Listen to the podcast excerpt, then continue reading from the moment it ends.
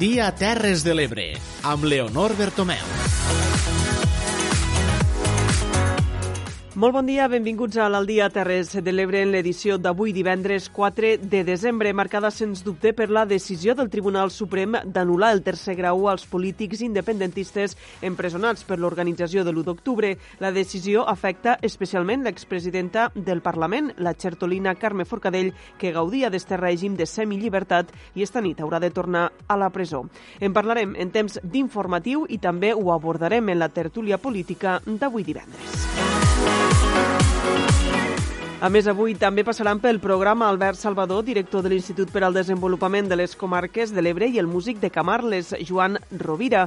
Tot i això i molt més és el que ens espera en el programa d'avui divendres, així que comencem ja l'edició d'avui. En primer lloc, repassant el nom de totes les persones que fem possible cada dia l'Aldia Terres de l'Ebre i que són Tere Giné i Clara Seguí des de la Plana Ràdio, Núria Mora, Sara Hernández i Xavier Falcó des de Ràdio Tortosa, Laia Oltra i Francesc Callau des de la Cala Ràdio, Júlia Alvesa des de Ràdio Joventut, Eduard Carmona des de Ràdio Delta, Tomàs Ginestra, Jordi Galo i Manel Ramon des d'Amposta Ràdio i Ruth Turc des de Ràdio Mora la Nova. Dit això, comencem com cada dia amb una roda informativa per les emissores de l'Aldia Terres de l'Ebre per a conèixer els principals titulars d'avui divendres 4 de desembre.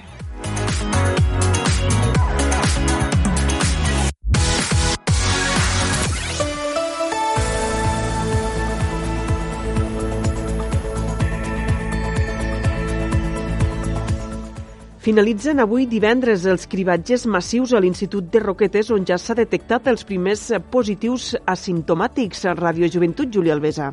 Bon dia, Leonor. Salut ha arrencat una nova campanya de proves massives al territori. Preveuen fer 4.000 proves PCR als instituts i centres d'adults de Roquetes i Amposta. Aquest divendres han finalitzat a Roquetes i s'han fet al voltant de 690 PCR alumnat i professorat. Tot i que Salut no donarà els resultats dels cribratges massius, la infermera d'atenció primària, Laia Vela, ens ha assenyalat que sí que s'han detectat casos positius. A Tortosa s'ha iniciat la reurbanització de la plaça de l'Ajuntament Radio Tortosa, Núria Mora. Bon dia, Leonor. Efectivament, l'Ajuntament de Tortosa ha iniciat aquesta mateixa setmana les obres de reurbanització de la plaça d'Espanya i de sis carrers del seu entorn. Aquests treballs tenen un termini d'execució de sis mesos i suposen una inversió d'1.300.000 euros. En donarem els detalls a l'informatiu. També anirem a la Ribera d'Ebre, ja que el municipi de Garcia ha començat les obres de rehabilitació de l'església vella bombardejada durant la Guerra Civil. Ràdio Mora la Nova, Ruth Turc. Bon dia, Leonor. Fa quasi un mes que s'han iniciat les obres de la primera fase de rehabilitació de l'església vella de Garcia. Aquest temple d'origen romànic i remodelat al segle XVII va ser bombardejat durant la Guerra Civil. Des de llavors no s'havia fet cap obra de reconstrucció tret del campanar. Ara la intenció del consistori és recuperar-lo, no únicament perquè es pugui visitar, sinó també per convertir-la en una instal·lació polivalent.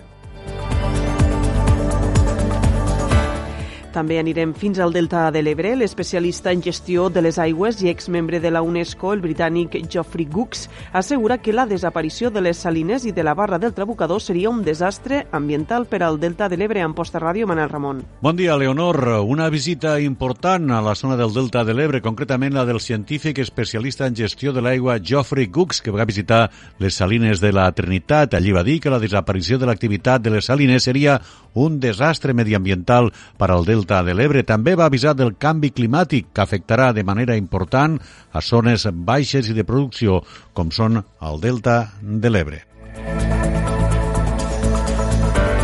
I a l'Ametlla de Mar s'ha posat en marxa el 38è concurs d'aparadors de Nadal que arriba amb novetats en la votació popular, la Cala Ràdio Francesc Callau. Què tal, Leonor? Bon dia. Efectivament, els comerciants de l'Ametlla de Mar tenen de temps fins a l'11 de desembre per apuntar-se al concurs tradicional d'aparadors de Nadal, que aquest any arriba a la 38a edició i amb novetats respecte a la votació popular que es va encetar l'any passat.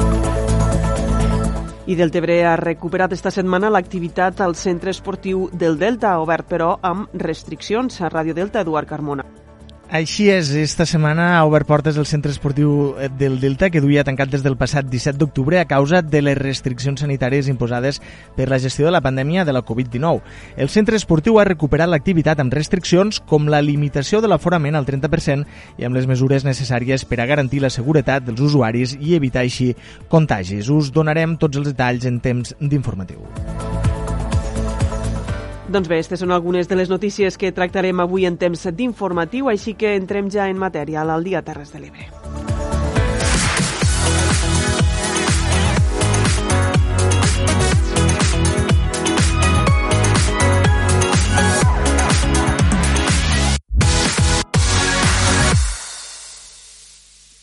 Els ho dèiem en començar, el Tribunal Suprem ha anul·lat el tercer grau als polítics independentistes empresonats per l'organització de l'1 d'octubre.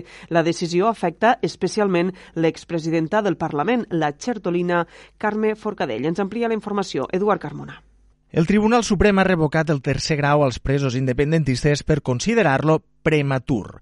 Recorda que han estat condemnats per un delicte greu com és el de la sedició i que els presos encara no han arribat a complir la meitat de la condemna i alguns d'ells no han complert encara ni una tercera part. Amb la decisió judicial, els presos tornen al segon grau penitenciari i en la mateixa resolució el Tribunal Suprem també denega l'aplicació de l'article 100.2, el qual permetia als presos sortir alguns dies a treballar o a fer tasques de voluntariat. En este cas, considera el tribunal que hi ha falta de connexió amb un procés de reinserció, eh, característica fonamental per poder apoderar-se, per poder-se beneficiar de l'article 100.2. La decisió de revocar el tercer grau als presos afecta especialment l'expresidenta del Parlament, la xertolina Carme Forcadell, que gaudia d'este règim de semillibertat i esta mateixa nit haurà de tornar a la presó. També és el cas de l'exconsellera Dolors Bassa, qui també gaudia fins ara del tercer grau penitenciari.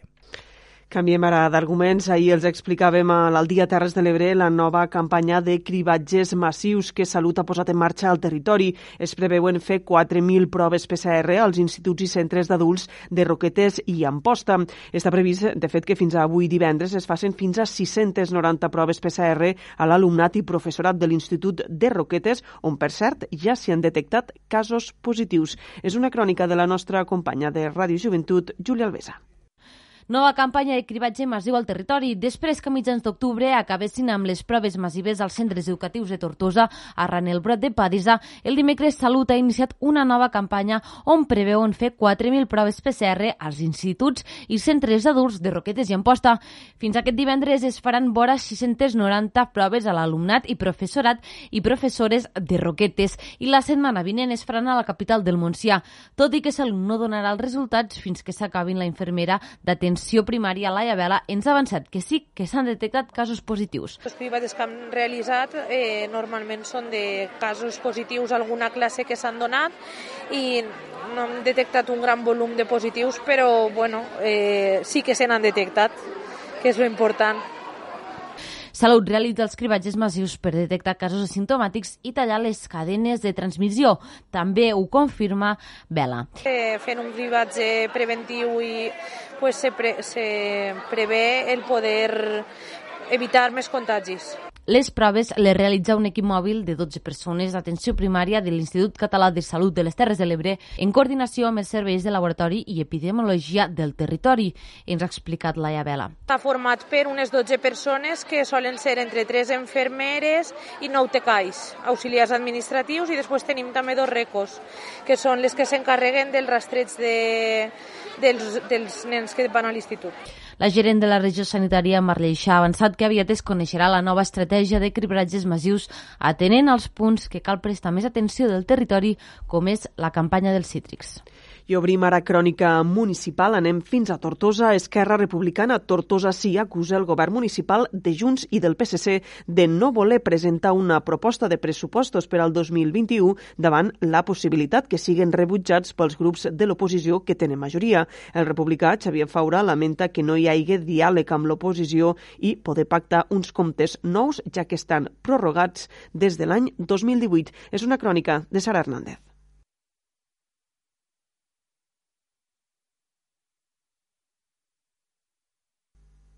Bé, no, no tenim de moment disponible esta connexió amb Sara Hernández des de Ràdio Tortosa. Insistim en això, en el fet que Esquerra Republicana Tortosa sí ha acusat el govern municipal de Junts i el PSC de no voler presentar una proposta de pressupostos per al 2021 davant la possibilitat que puguen ser rebutjats pels grups de l'oposició que ara mateix tenen majoria al ple de Tortosa. El republicà Xavier Faura ha lamentat que no hi hagi diàleg amb l'oposició per tal de poder pactar uns comptes nous, ja que cal recordar que els que ara mateix estan vigents estan prorrogats des de l'any 2018. Ara sí, que sembla que tenim disponible esta crònica de la Sara Hernández. El grup d'Esquerra Republicana Tortosa s'hi ha carregat durament contra l'equip de govern de Junts i PSC per no presentar la proposta de pressupostos del proper any. El seu portaveu, Xavier Faura, ha lamentat que no s'ha molestat en redactar-los i utilla de falta de respecte a la ciutadania. El republicà ha argumentat que des del passat 2018, quan era alcalde Ferran Bel, no hi ha pressupostos i des de llavors s'han prorrogat, una deixadesa de les funcions del govern municipal, segons Faura, i que també dificulta el control de la gestió per part de l'oposició. Dient que, com estan en minoria, no pensen fer pressupostos perquè no volen perdre el temps discutint-ho en l'oposició. Mireu, això és, certament és, és, és molt censurable, és una deixadesa absoluta per part de l'equip de govern municipal. L'obligació del govern municipal és fer pressupostos. Això és el que marca la política de tot l'any. S'aproven o no s'aproven, ells tenen que fixar el criteri general de la política i tenen que fer un esforç de convenciment. No tenim pressupostos des de l'època en què era alcalde el senyor Bel. És a dir, la senyora Roger mai ha aconseguit aprovar uns pressupostos. L'any passat perquè no els va negociar i aquest any perquè ni tan siquiera els, els ha proposat. La polèmica al voltant del pressupost centrarà part del debat del ple ordinari de desembre a l'Ajuntament de Tortosa que tindrà lloc el pròxim dilluns. Els republicans han presentat tres mocions. Una conjunta amb Movem que proposa la construcció d'una passarel·la aprofitant la pilastra del monument franquista. També posen sobre la taula crear una oficina municipal d'escolarització a Tortosa per facilitar la preinscripció per qualsevol centre educatiu i evitar la segregació escolar. I també proposen que s'atorgui la medalla d'or de la ciutat a títol pòstum al lingüista Joan Beltrán. I seguim en línia amb Ràdio Tortosa. L'Ajuntament ha iniciat esta setmana les obres de reurbanització de la plaça d'Espanya i de sis carrers del seu entorn. Estos treballs tenen un termini d'execució de sis mesos i suposen una inversió d'un milió tres-cents mil euros. Més informació amb Núria Mora.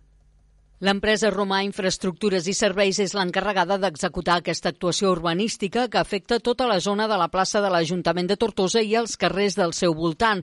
Les obres s'han iniciat aquest dimecres concretament a la travessia de Santa Teresa, on a més de situar el carrer a un sol nivell, també s'habilitarà un accés que connectarà amb el carrer Sant Blai mitjançant una rampa. Després s'actuarà sobre el carrer de Lluís Millet fins a la confluència amb la plaça d'Emili Sants. Els treballs continuaran amb la resta de l'entorn que forma part de l'actuació.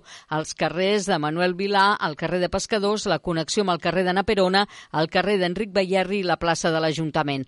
Aquests carrers s'iniciaran ja dins del 2021 per evitar interferir en la mesura del possible amb les campanyes comercials de Nadal i Reis. Enric Roig és el tinent d'alcaldia d'Urbanisme de Tortosa. I, evidentment, tot el que és des del carrer Metge Vila, carrer Sabina, que s'han col·locat a carrer Sabina, càrrega i descàrrega, que es quedaran, que es quedaran definitivament allí. Tot el que és este, este indret, això evidentment no s'afectarà per les obres. Les obres com començaran?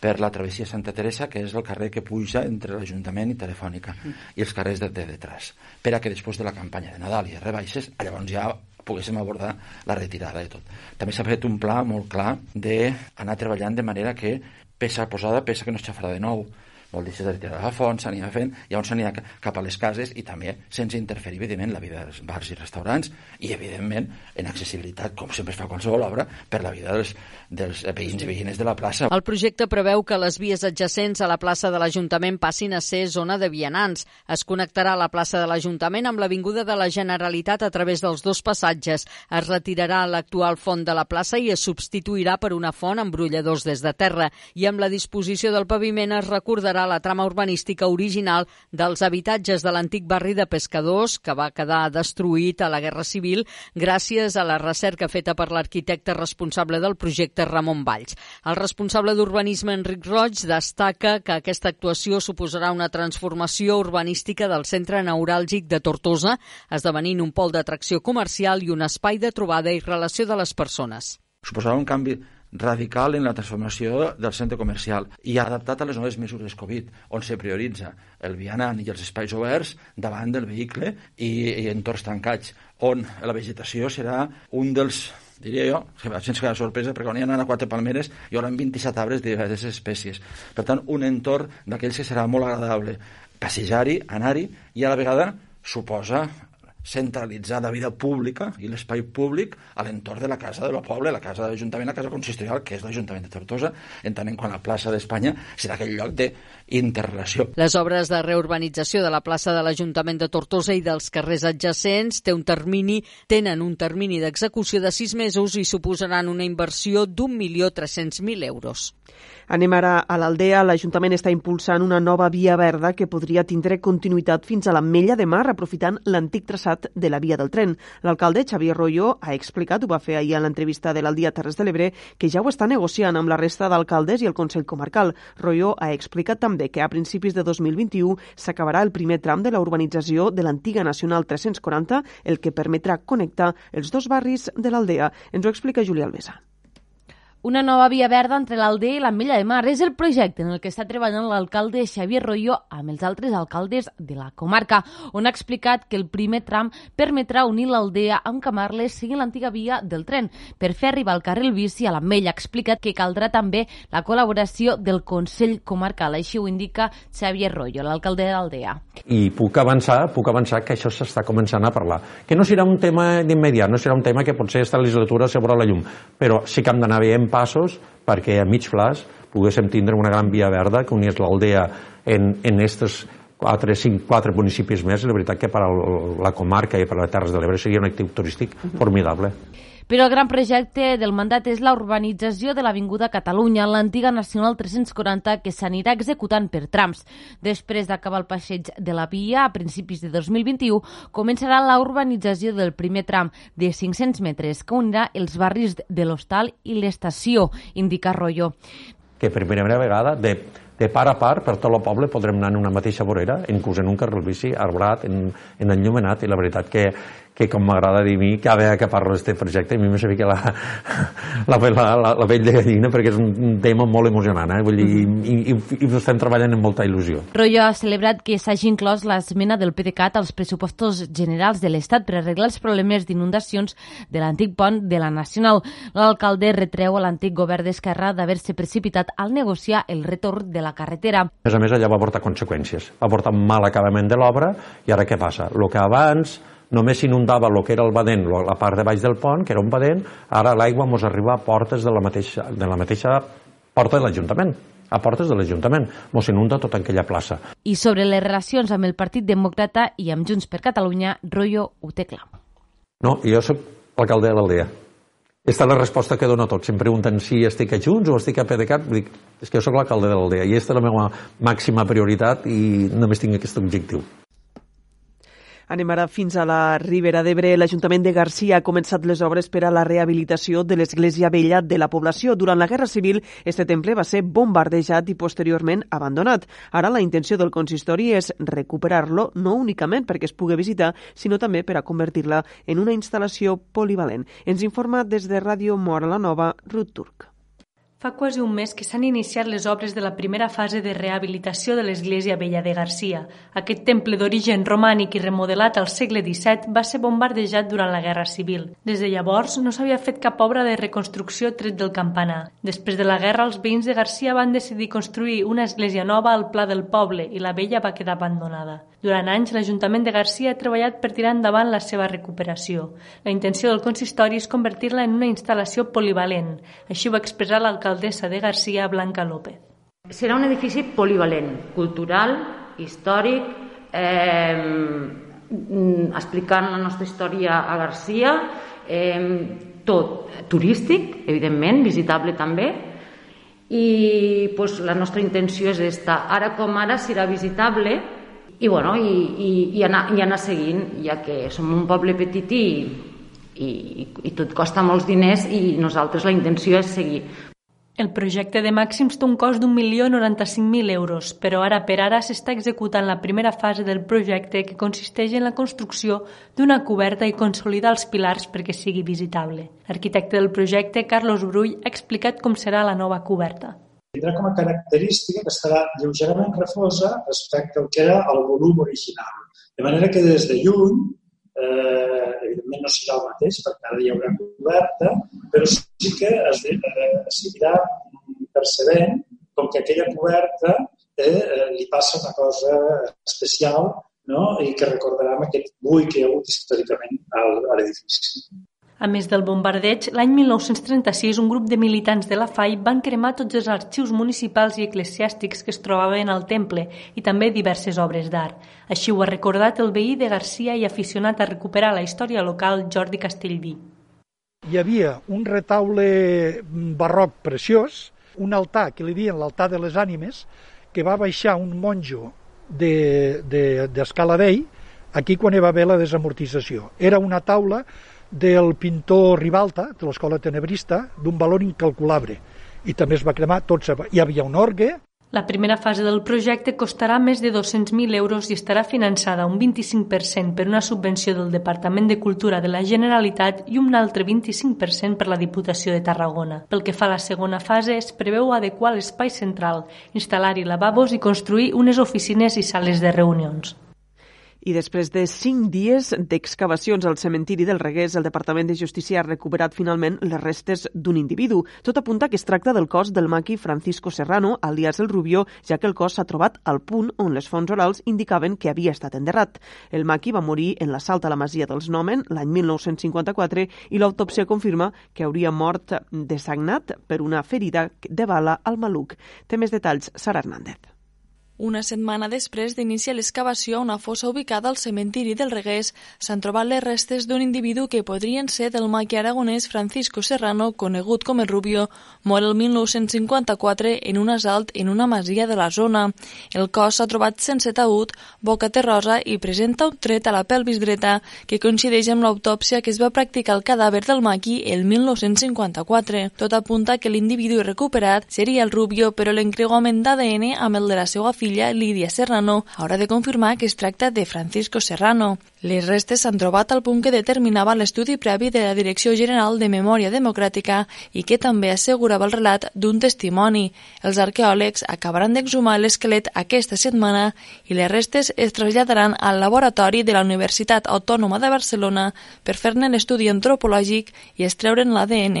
La directora general, Gemma Domènech, s'ha mostrat prudent tot i les evidències. Nosaltres buscàvem en aquest individu, que coneixíem la història, perquè la família havia apuntat en aquesta persona, havia vingut a, a, en els cens de desapareguts de la Guerra Civil i la repressió franquista que tenim a la Direcció General de Memòria des de l'any 2003. Coneixíem aquest cas, hem fet tots els treballs i els estudis que fem habitualment previs a l'obertura, que és el treball important i el treball difícil i llarg, i hem obert aquesta fossa buscant i pensant que hi hauria doncs, la possibilitat de que hi hagués el Francisco Serrano i no ningú més treballem eh, amb molta celeritat, amb molta pressa, sense aturar-nos, perquè som conscients de que hi ha una família que està esperant aquest resultat per tenir la certesa. Per tant, per nosaltres és absolutament prioritari ara fer aquest creuament, però no podem donar una dada. Són mesos. La filla del Rubio, Lídia Serrano, de 84 anys, ha visitat aquest dijous els treballs a la fossa del cementiri. Visiblement emocionada, ha relatat que és un moment agredols, ja que tot apunta que seria el seu pare i per fi el podria enterrar al seu poble a Castellote, al Terol. Pues me siento muy bien y muy mal. Muy mal porque verlo al cabo de tantos años, verlo así, por otro sitio muy satisfecha, muy bien. Pensar que me lo voy a, al cabo de 66 años, podérmelo llevar, pues estoy muy, muy contenta y muy agradecida con todos los que habéis hecho posible este, este levantamiento. Cuando veía otras que levantaban, que veía por televisión, decía, pues ahora por lo menos esta familia descansará en paz. Y ahora me veo en esa situación y estoy muy satisfecha. La del cementiri del Regués és la 33a fossa que s'obre gràcies al Pla de Fosses de la Generalitat des de 2017. Hi ha documentades 527 fosses i les excavacions del pla han facilitat la recuperació de les restes mortals de 339 persones.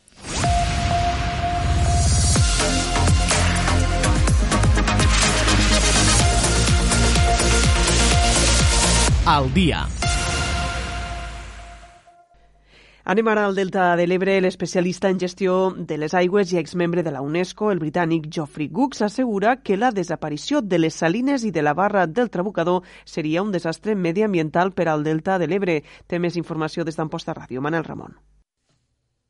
Efectivament, en la seva visita a les Salines de la Trinitat, a la punta de la Banya, el professor i científic especialista en gestió de l'aigua, Geoffrey Gooks, va destacar la importància de l'activitat salinera que realitza l'empresa Infosa en un paratge tan singular com el Delta de l'Ebre.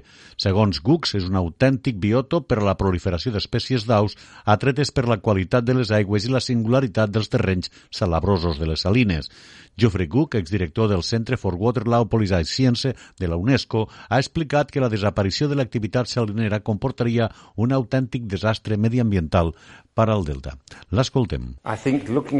Després de veure el que he vist avui a les Salines i a les zones pròximes i en altres llocs amb topografies similars, crec que seria una catàstrofe per a les aus que desapareguessin les Salines. En la seva visita a les Salines de la Trinitat i a la Punta de la Banya, Geoffrey Gooks va estar acompanyat del gerent d'Infosa, va visitar les instal·lacions i la funcionalitat de la gestió de les aigües marines i va quedar impressionat per la qualitat ambiental i el respecte amb la natura d'aquest procés. Gooks ha assegurat que després d'haver visitat moltes indústries arreu del món en les quals els seus processos de tractaments d'aigües produeixen residus, les salines porten a terme una activitat no contaminant que milloren la qualitat de l'entorn i no genera cap residu, ni nitrats ni subproducte contaminant, com passa en altres indústries relacionades amb la gestió de l'aigua en el camp de l'agricultura o de les hidroelèctriques. Geoffrey Cooks, que també és professor de la Càtedra de Gestió de l'Aigua de la Universitat de Dundee, havia mostrat el seu interès per conèixer les salines del Delta tant des del punt de vista industrial com mediambiental. El professor i científic ha recordat que el canvi climàtic intervindrà de manera important a les zones productives i rurals de les zones baixes del planeta i que cal posar mesures per evitar aquest impacte que afectarà i està afectant ja a zones semblants al Delta de l'Ebre. Canviem ara d'arguments, anem fins a la Cala Ràdio. Els comerciants de la Mella de Mar tenen de temps fins a l'11 de desembre per a apuntar-se al concurs d'aparador de Nadal, que este any arriba a la 38a edició amb novetats respecte a la votació popular que es va encetar l'any passat. Ens informa Francesc Callau. La campanya de Nadal és una de les més importants en l'àmbit del comerç local i un dels instruments que des de fa anys tenen els comerciants de la Mella de Mar és el concurs d'aparadors de Nadal. Els comerciants tenen la possibilitat d'engalanar els seus aparadors i també els interiors de les botigues amb motius nadalencs. Ja són 38 anys que des de l'Ajuntament de la Mella de Mar es premia l'esforç i l'interès dels comerciants per millorar la imatge dels seus establiments durant aquestes dates que, junt amb la il·luminació dels carrers, ajuda a promocionar el consum local. L'any passat va ser el primer any que es va posar en marxa la votació popular mitjançant unes paperetes que la Regidoria de Turisme, Comerç i Civisme reparteix per la població, sistema que substituïa al tradicional jurat. Aquest any s'ha volgut donar una volta més a aquesta votació i per evitar una votació única com l'any passat s'ha establert un mínim obligatori de tres comerços i un màxim de sis que s'hauran de marcar amb una X a les caselles i si no hi ha un mínim de tres comerços votats, la butlleta quedarà invalidada. Damià Lleó és el gerent de l'àrea municipal de turisme. L'any passat eh, es podia votar a un únic a un únic eh, botiga i enguany no, enguany hi haurà un mínim de tres botigues i un màxim de, de sis. Per això és per incentivar que la gent volti, eh? i per a que la gent volti, per a que la gent vegi els, aparadors, per a que es vegi animació i perquè si pot ser en aquella botiga vas en aquell aparador i veus aquell article, entres i el compres. El dia 14 s'obriran les votacions, les quals s'allargaran fins al dia 18 de desembre.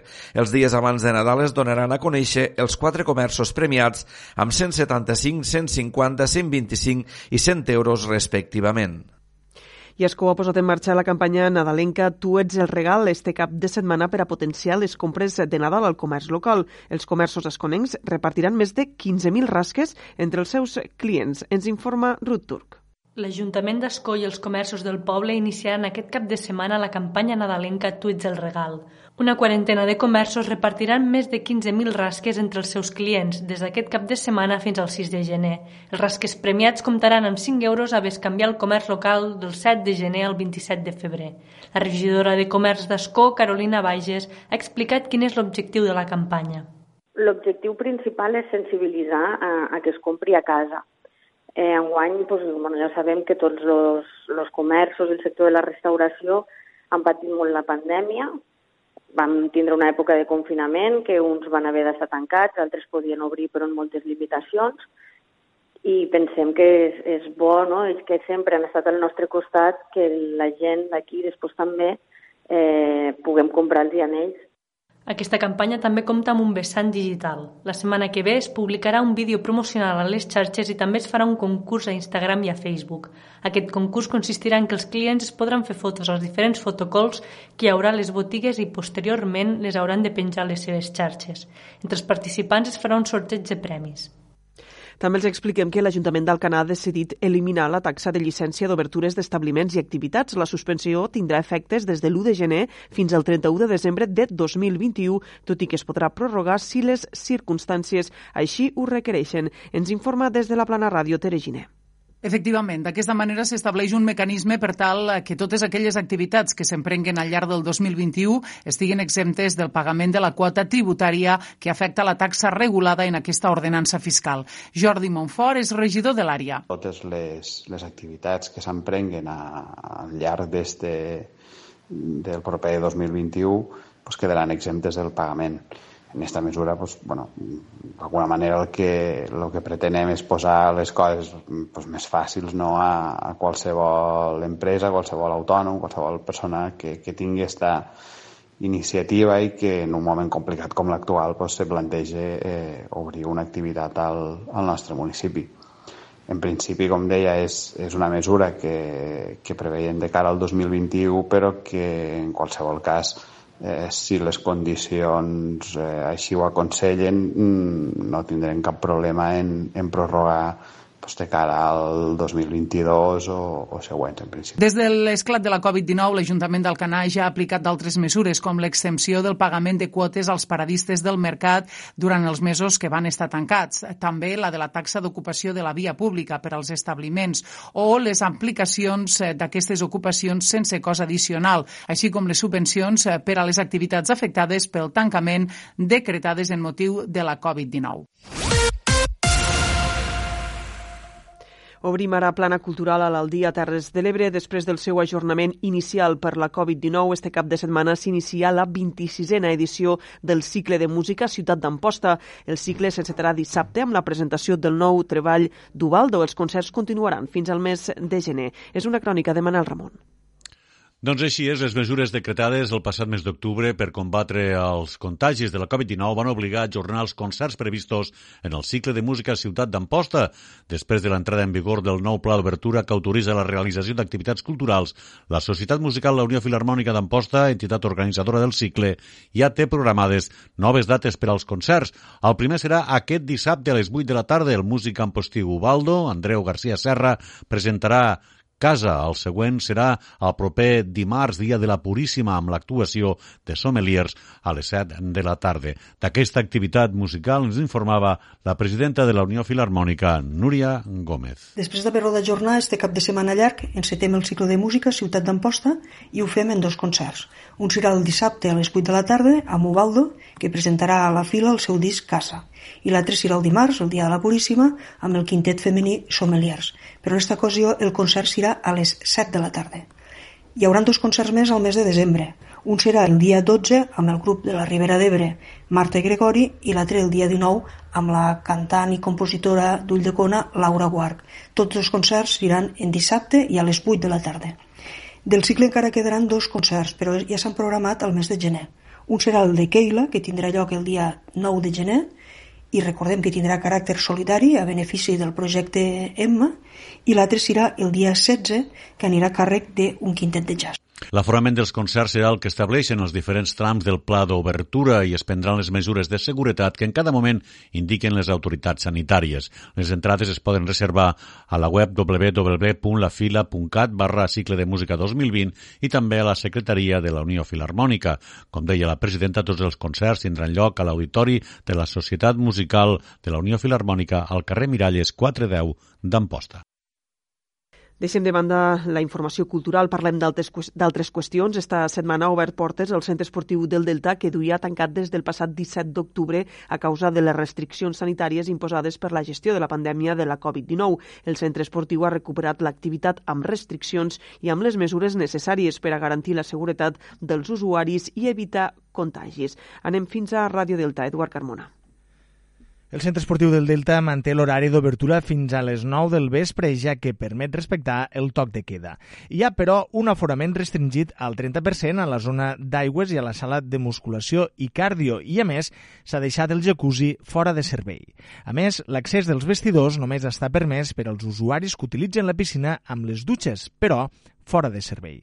De moment es manté el programa d'activitats dirigides, però com l'aforament està restringit, s'ha de reservar plaça amb 24 hores d'antelació per tal d'evitar superar l'ocupació permesa.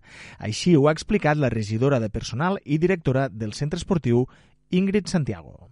El programa d'activitats dirigides serà l'habitual, però tenint en compte que hi ha un aforament del 30%, es demana a tots els usuaris que en una antelació de 24 hores reserven la seva plaça a aquella activitat dirigida.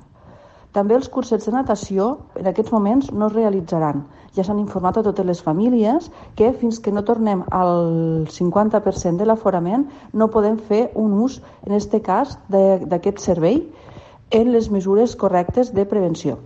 Entre les restriccions imposades i per garantir les mesures de seguretat, els usuaris de la sala de musculació i cardio o activitats dirigides hauran d'anar directament a la sala d'activitats sense passar pel vestidor i es recomana portar el mínim indispensable d'objectes personals.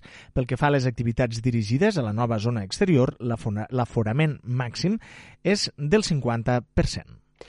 Anem ara a l'Ametlla de Mar, ja que l'Ajuntament realitza obres de millora i manteniment a la llar d'infants Xerinola. La brigada municipal aprofitarà este pont de la Puríssima per a fer una actuació al centre educatiu infantil amb l'objectiu de millorar la climatització i seguretat per als infants. És una crònica de Francesc Callau. L'actuació consisteix en la remodelació de les portes i finestres d'una de les aules de la llar d'infants que a causa del pas del temps havien quedat deteriorades. Concretament, s'ha instal·lat doble vidre a les finestres per millorar la climatització i així adaptar-se també a la nova normativa. Vicent Llau és el regidor d'Obres i Serveis. Pues la llar d'infants Sirinola té, és un equipament ja una mica amb uns quants anys, té més de 25 anys, i sobretot el que era el primer pis eh, necessitava d'un canvi de, de les finestres, de les portes. Eh, és un sistema antic, eh, també necessitem adequar-nos als nous temps i, i canviar doble vidre, millorar també el que és així la calefacció i sobretot també la, la seguretat dels nens. No? Eh, el fet és, diguéssim, que són quatre aules, s'ha canviat una, la més gran, però la idea és els, els propers dos anys, tres anys, canviar, canviar totes tot aquestes finestres i, poder adequar les noves normatives el que és l'equipament de la llar d'infants. L'actuació, per tant, és una primera fase de la remodelació prevista a l'equipament de la llar d'infants Xerinola, que ha quedat obsolet i que cal remodelar els pròxims anys. Les obres valorades en 16.500 euros es realitzaran majoritàriament amb una subvenció de l'Associació Nuclear Escó Vandellós i la resta amb recursos de les arques municipals.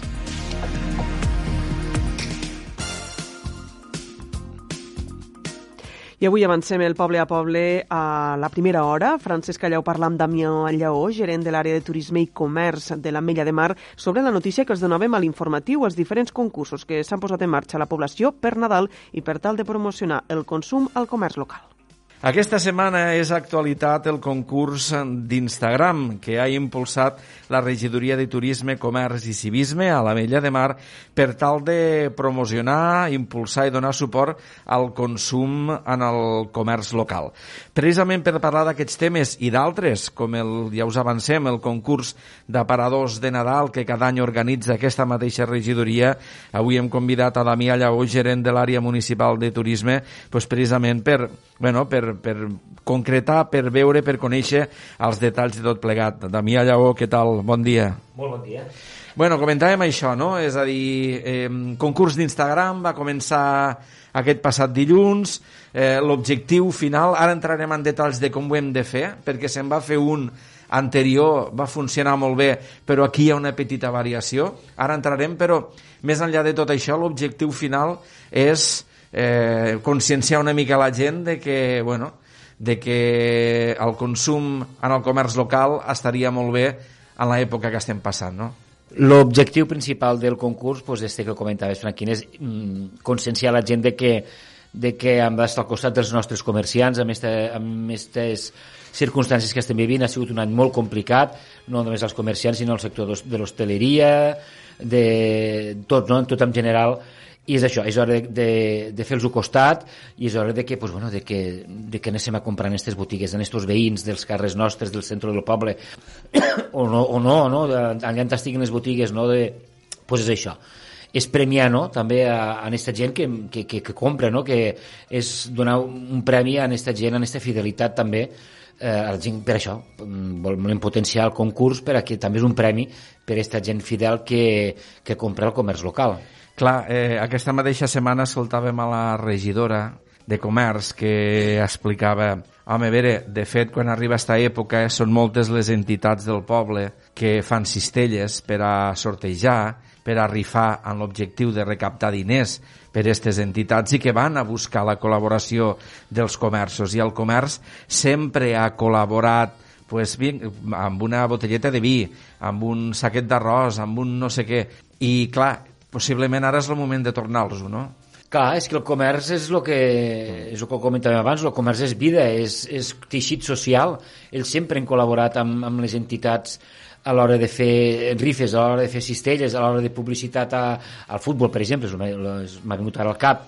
Eh, és hora una miqueta d'estar al seu costat, també. És clar, si, si anem a demanar la seva col·laboració, és ara, no? És ara quan també els hem de tornar eh, este, este feedback, no? tornar aquesta col·laboració pues, amb, la, amb la mesura que poguéssim de, de fer les compres aquí, perquè recordem que aquí al poble pues, tenim moltes botigues, tenim molta varietat de producte, tenim molta qualitat i és el tracte este humà, eh? el tracte que vas allà i aquella persona que hi ha detrás del taulell t'aconsellarà això, t'aconsellarà allò, t'aconsellarà el millor per a tu. Jo crec que això no s'ha de perdre mai. Ja sé que hi ha compres per internet, online, eh, les grans superfícies, però aquest tracte, aquest tracte directe en el nostre veí, en la nostra veïna, no hauríem d'intentar eh, de no perdre mai, perquè bueno, totes les corrents comercials eh, d'Europa ara s'està potenciant molt el comerç local eh, en detriment de les grans superfícies fora de les capitals o fora de les grans urbes, no? Perquè això que fa... Això els pobles i les petites ciutats queden desertes, queden desertes, no hi ha vida, no hi ha, no hi ha ànima de poble. Eh, Centrant-nos en el concurs d'Instagram, Damià, eh, en el concurs, és en el precedent que, que teniu que va organitzar, que va, va ser tot un èxit, respecte a aquest que heu organitzat ara, hi ha una diferència important. El client quan va a la botiga se fa, fa una foto o es fa una història Instagram i la pengen etiquetant a la botiga i, evidentment, etiquetant-se amb ells. Això que, que ha suposat que la gent que no tenia perfil a Instagram no podia participar al concurs. I bueno, pues ara és el segon concurs i hem intentat pues, eh, suplir aquesta carència. El que farem és, el que farà la gent és, encara que no tingui perfil a Instagram, anirà i demanarà al de la botiga, al botiguer o a la botiguera, o el mateix botiguer botiguera li proposarà sempre i quan vulguin, de fer un Instagram el mateix botiguer i la mateixa botiguera posant el nom de la persona que ha anat a comprar, encara que no tingui un perfil. Hasta ara només podien penjar perfils i, eh, oberts a Instagram, però la gent que no tingui ho penjarà el mateix, el mateix botiguer i nosaltres, pues, bueno, com, quan penjaran a d'això, ens etiquetaran a nosaltres amb ella de Mar Shopping, li, li otorgarem un número igualment al que tingui perfil o al que no tingui. Clar, d'esta manera s'amplia, diguéssim que l'abast del concurs, no? Pot haver més gent que participi perquè hi ha gent que no té perfil a Instagram, sobretot gent gran, i d'esta manera també bueno, també poden optar en aquests premis que, que s'atorguen, no? Sí, és obrir una miqueta més a tothom, clar, abans era, pues, hi havia una línia que era de, només, eh, clar, la gent feia, oh, jo no tinc perfil, pues, bueno, ara encara que no es tingui perfil, el botiguer penjarà l'history i ja està, i podran participar igualment. Quina ha estat la rebuda dels comerços, eh, Dami, en quant a... Perquè, clar, evidentment, el comerç també ha de fer una petita aportació en aquest concurs, no? Sí, el premi són, és un, un xec regal, amb euros, i com més, parti, com més col·laboració hi ha o més eh, botigues participen, més quantitat, més suculent és el premi. Doncs pues la veritat és que molt bé han participat 23 botiguers del poble, això significa pues, 460 euros perquè cada botiga aporta 20 euros al premi, al pot del premi.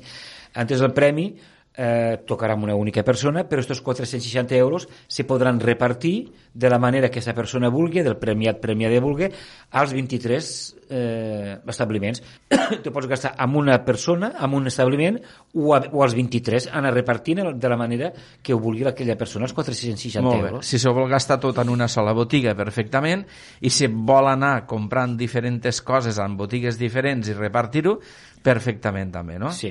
Bueno, és una manera, la, la evolució no? de, de les campanyes de comerç de cara a èpoques com lo Nadal, no, Dami? Sí, de fet, doncs, doncs això, pot ser una botiga que ha col·laborat amb els 20 euros, eh, la persona, la, lo premiat no anirà a comprar, però sí que anirà gent a, a comprar, a fer-se l'history, a participar. Dir, no, jo crec que és això, no, Franquín? És, és una nova fórmula, no? és adaptar-se als nous temps, i Instagram està molt de moda, Instagram està molt de moda amb amb el món del turisme, amb el món del comerç, i jo crec que és això, és, i sobretot fer poble, fer poble com més eh, jo crec que també els botiguers ho entenen així, que és hora d'estar de, de, tots units, tant el sector privat, el sector eh, públic, l'Ajuntament, la regió de comerç, per a pues, estar al costat de, de la gent del poble i dels comerciants.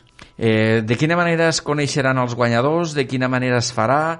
Eh, fins quin dia es pot participar. Ho dic perquè, clar, la gent, si té intenció d'anar a comprar alguna cosa, per exemple, no és el mateix que vaiga a lo millor ara, que a lo millor vaiga una setmana abans de Nadal i a lo millor ja no tinga temps a participar. No, és, eh, el termini per participar és el divendres 11 de desembre. O sigui, són dues setmanes que la gent podrà participar.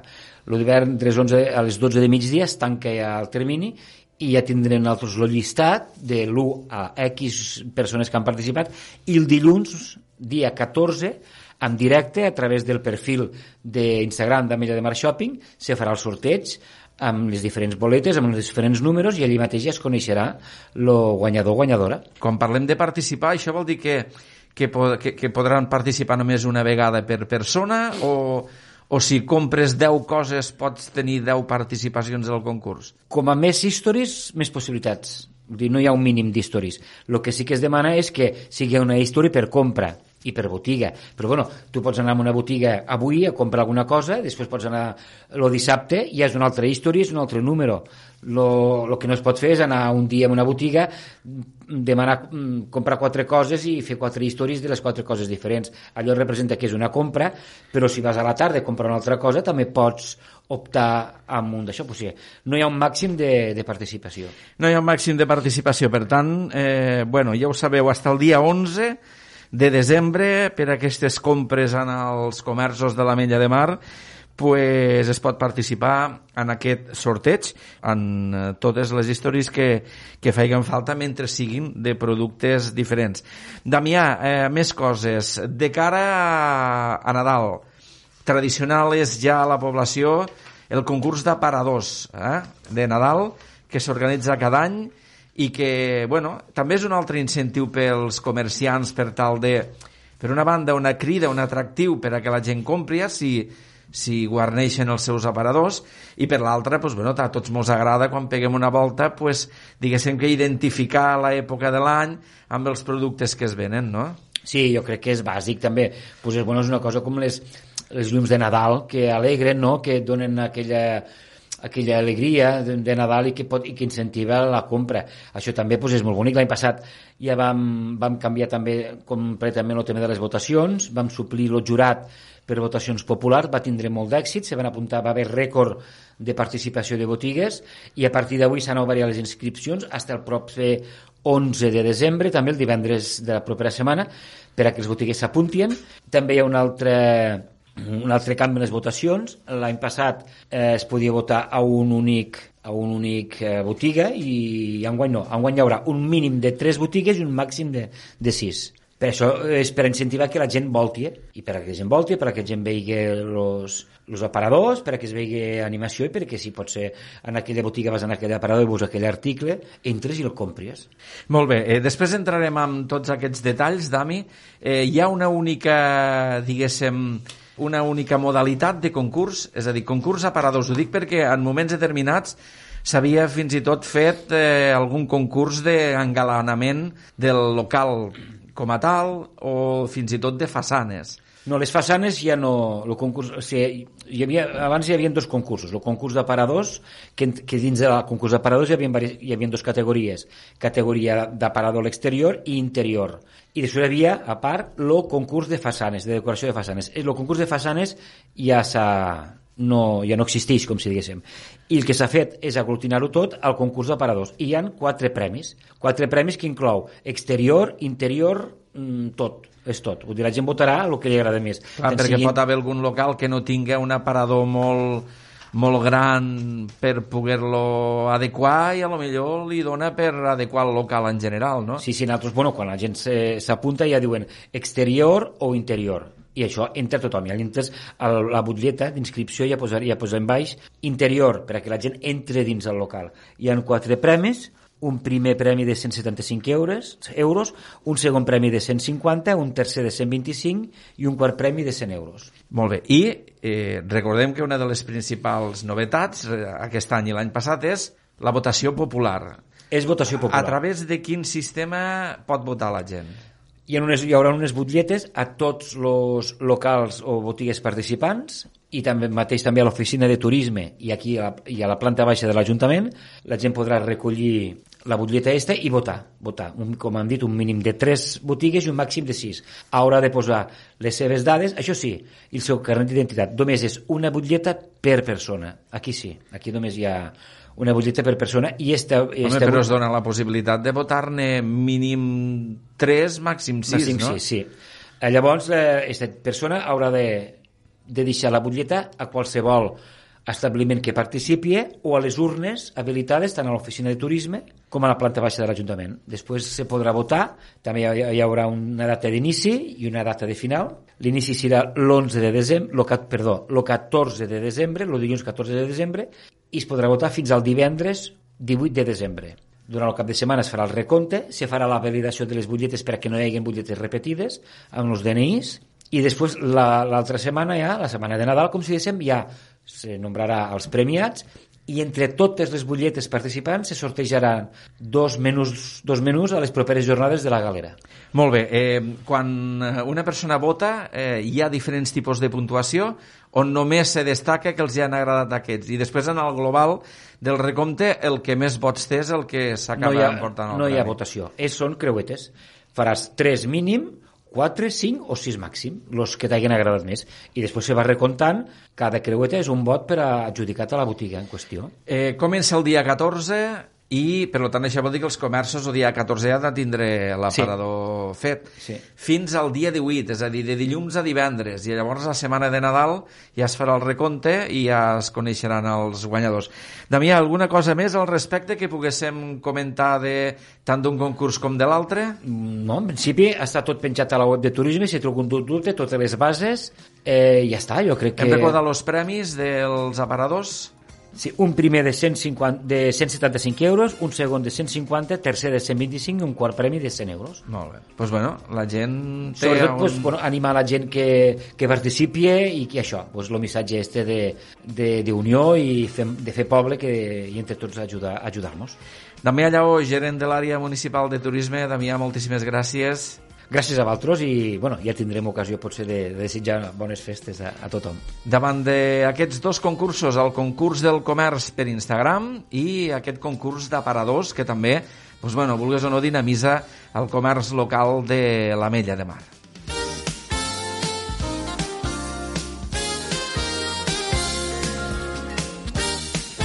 I amb esta entrevista de Francesc Callau a Damià Lleó posem el punt i final a esta primera hora de l'Aldia Terres de l'Ebre. Nosaltres tornem tot seguit amb més continguts en la nostra segona hora de programa.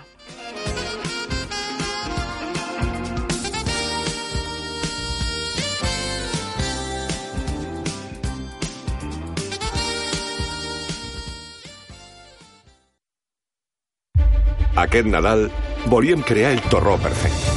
I ens hem adonat que hi ha coses més importants que treballar amb els millors ingredients, més importants que elaborar-lo de forma artesanal o aconseguir el millor sabor. Compartir i ajudar és el que més importa.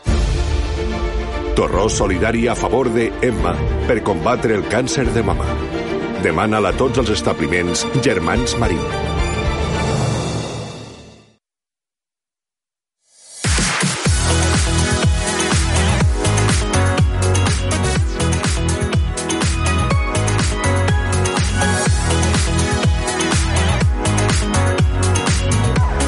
Dia Terres de l'Ebre, amb Leonor Bertomeu. Molt bona tarda, benvinguts de nou a l'Aldia Terres de l'Ebre. Obrim aquí la segona hora de programa en la que avui tindrem l'entrevista amb Albert Salvador, director de l'Institut per al Desenvolupament de les Comarques de l'Ebre. També tindrem les recomanacions literàries de la Biblioteca Sebastià Juan Arbó d'Amposta i avui, a l'Espai d'Identitats, Eduard Carmona entrevistarà al músic i cantant de Camarles, Joan Rovira. Abans, però, de donar pas als continguts d'esta segona hora de l'Aldia Terres de l'Ebre, anem a repassar els titulars més destacats d'este divendres, 4 de desembre.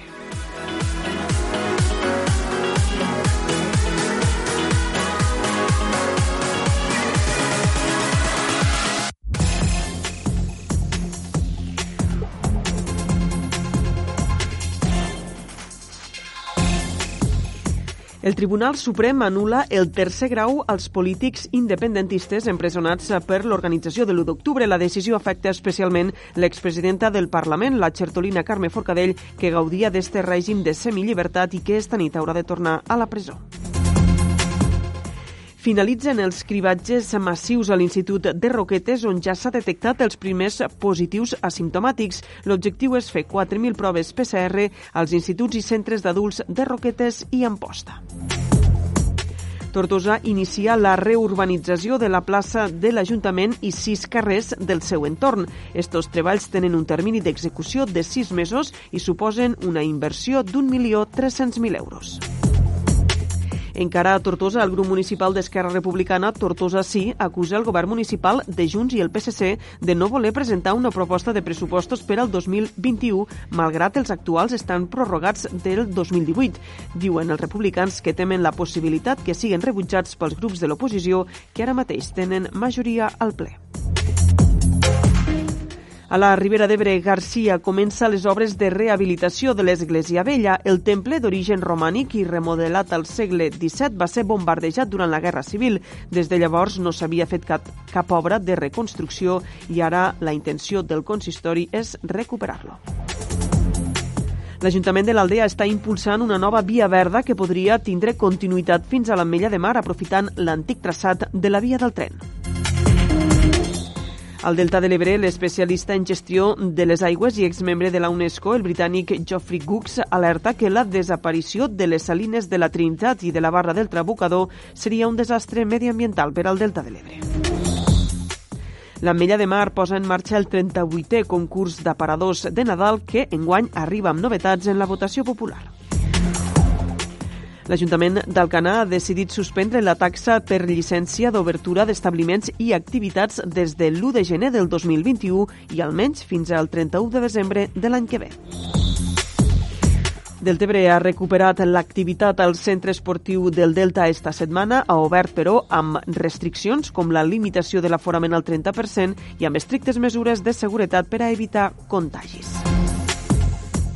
I acabem amb un titular de l'àmbit de la cultura. Este cap de setmana s'inicia la 26a edició del cicle de música Ciutat d'Amposta amb la presentació del nou treball d'Ubaldo. I fins aquí el repàs als titulars. Nosaltres ja ens posem a l'aldia Terres de l'Ebre en tots els continguts que els tenim preparats per a esta segona hora de programa.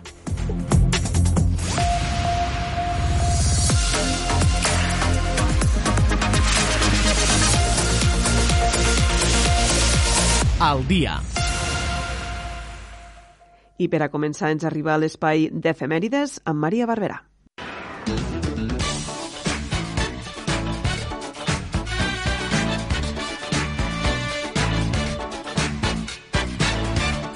Molt bon dia. Fem el nostre viatge en el temps i recordem els fets ocorreguts tal dia com avui, 4 de desembre. El 4 de desembre de 1881 es publica per primer cop el diari Los Angeles Times. El 4 de desembre de 1959, un mono torna a la Terra sa i estalvi després d'estar 55 milles a l'espai exterior. Al 1977, el 4 de desembre, dos milions d'andalusos surten al carrer en manifestació pacífica per tal de demanar la seva autonomia. El 4 de desembre de 1985, Santiago de Compostela es converteix en Patrimoni de la Humanitat per la UNESCO. Al 1992, el 4 de desembre, les tropes americanes autoritzades per la ONU arriben a Somàlia per pacificar el país. Al 2002, científics catalans presenten un estudi internacional que mostra que l'home i el ratolí tenen en comú el 99% dels seus gens. El 4 de desembre de 2010 es declara l'estat d'alarma a Espanya per primer cop en la democràcia amb la finalitat de fer front al caos aeroportuari provocat per una vaga de controladors del tràfic aeri. El 2013, un 4 de desembre, troben a Atapuerca ADN humà de 400.000 anys, el més antic conegut. El 4 de desembre de 2017, el Tribunal Suprem dels Estats Units autoritza l'aplicació integral del tercer veto migratori del president Donald Trump. I fins aquí el repàs a les efemèrides del dia que acabeu de passar una feliç jornada.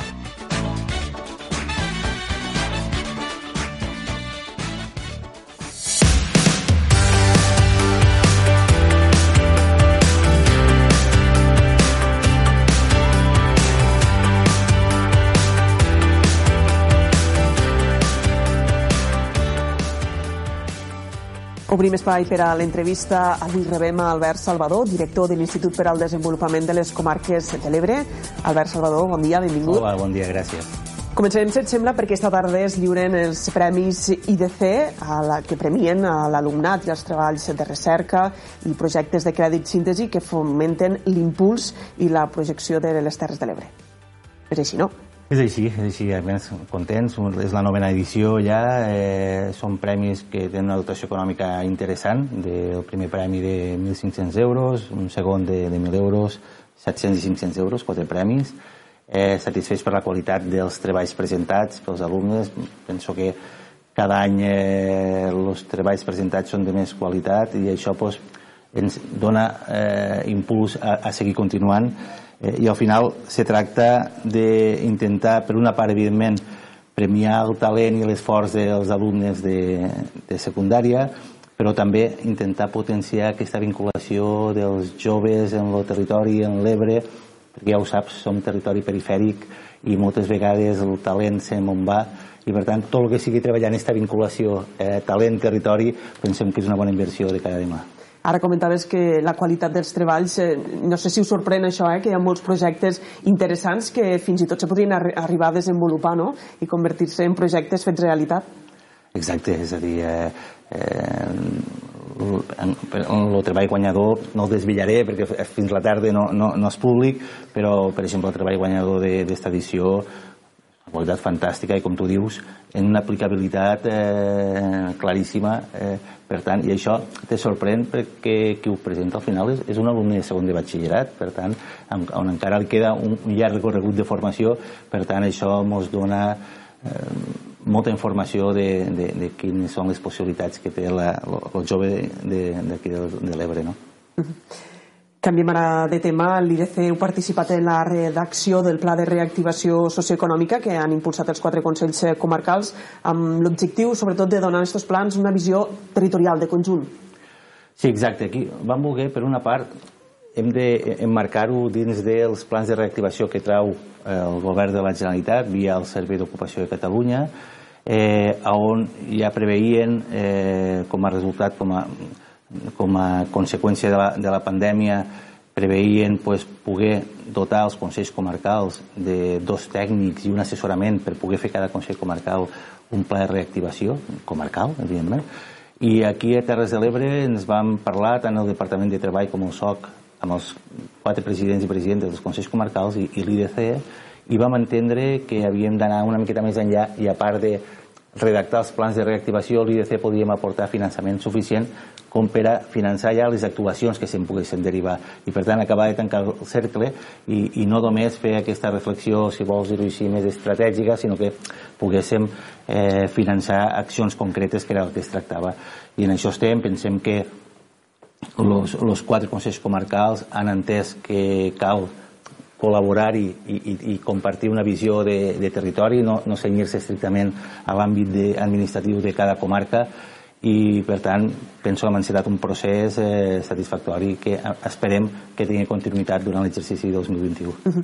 Per tant, aquesta estratègia conjunta de, dels quatre consells eh, comarcals podria, podria ara tindre continuïtat a, al llarg del 2021 i no sé si podria ser un primer pas, un embrió de, de la mancomunitat de les Terres de l'Ebre que tantes vegades se n'ha parlat.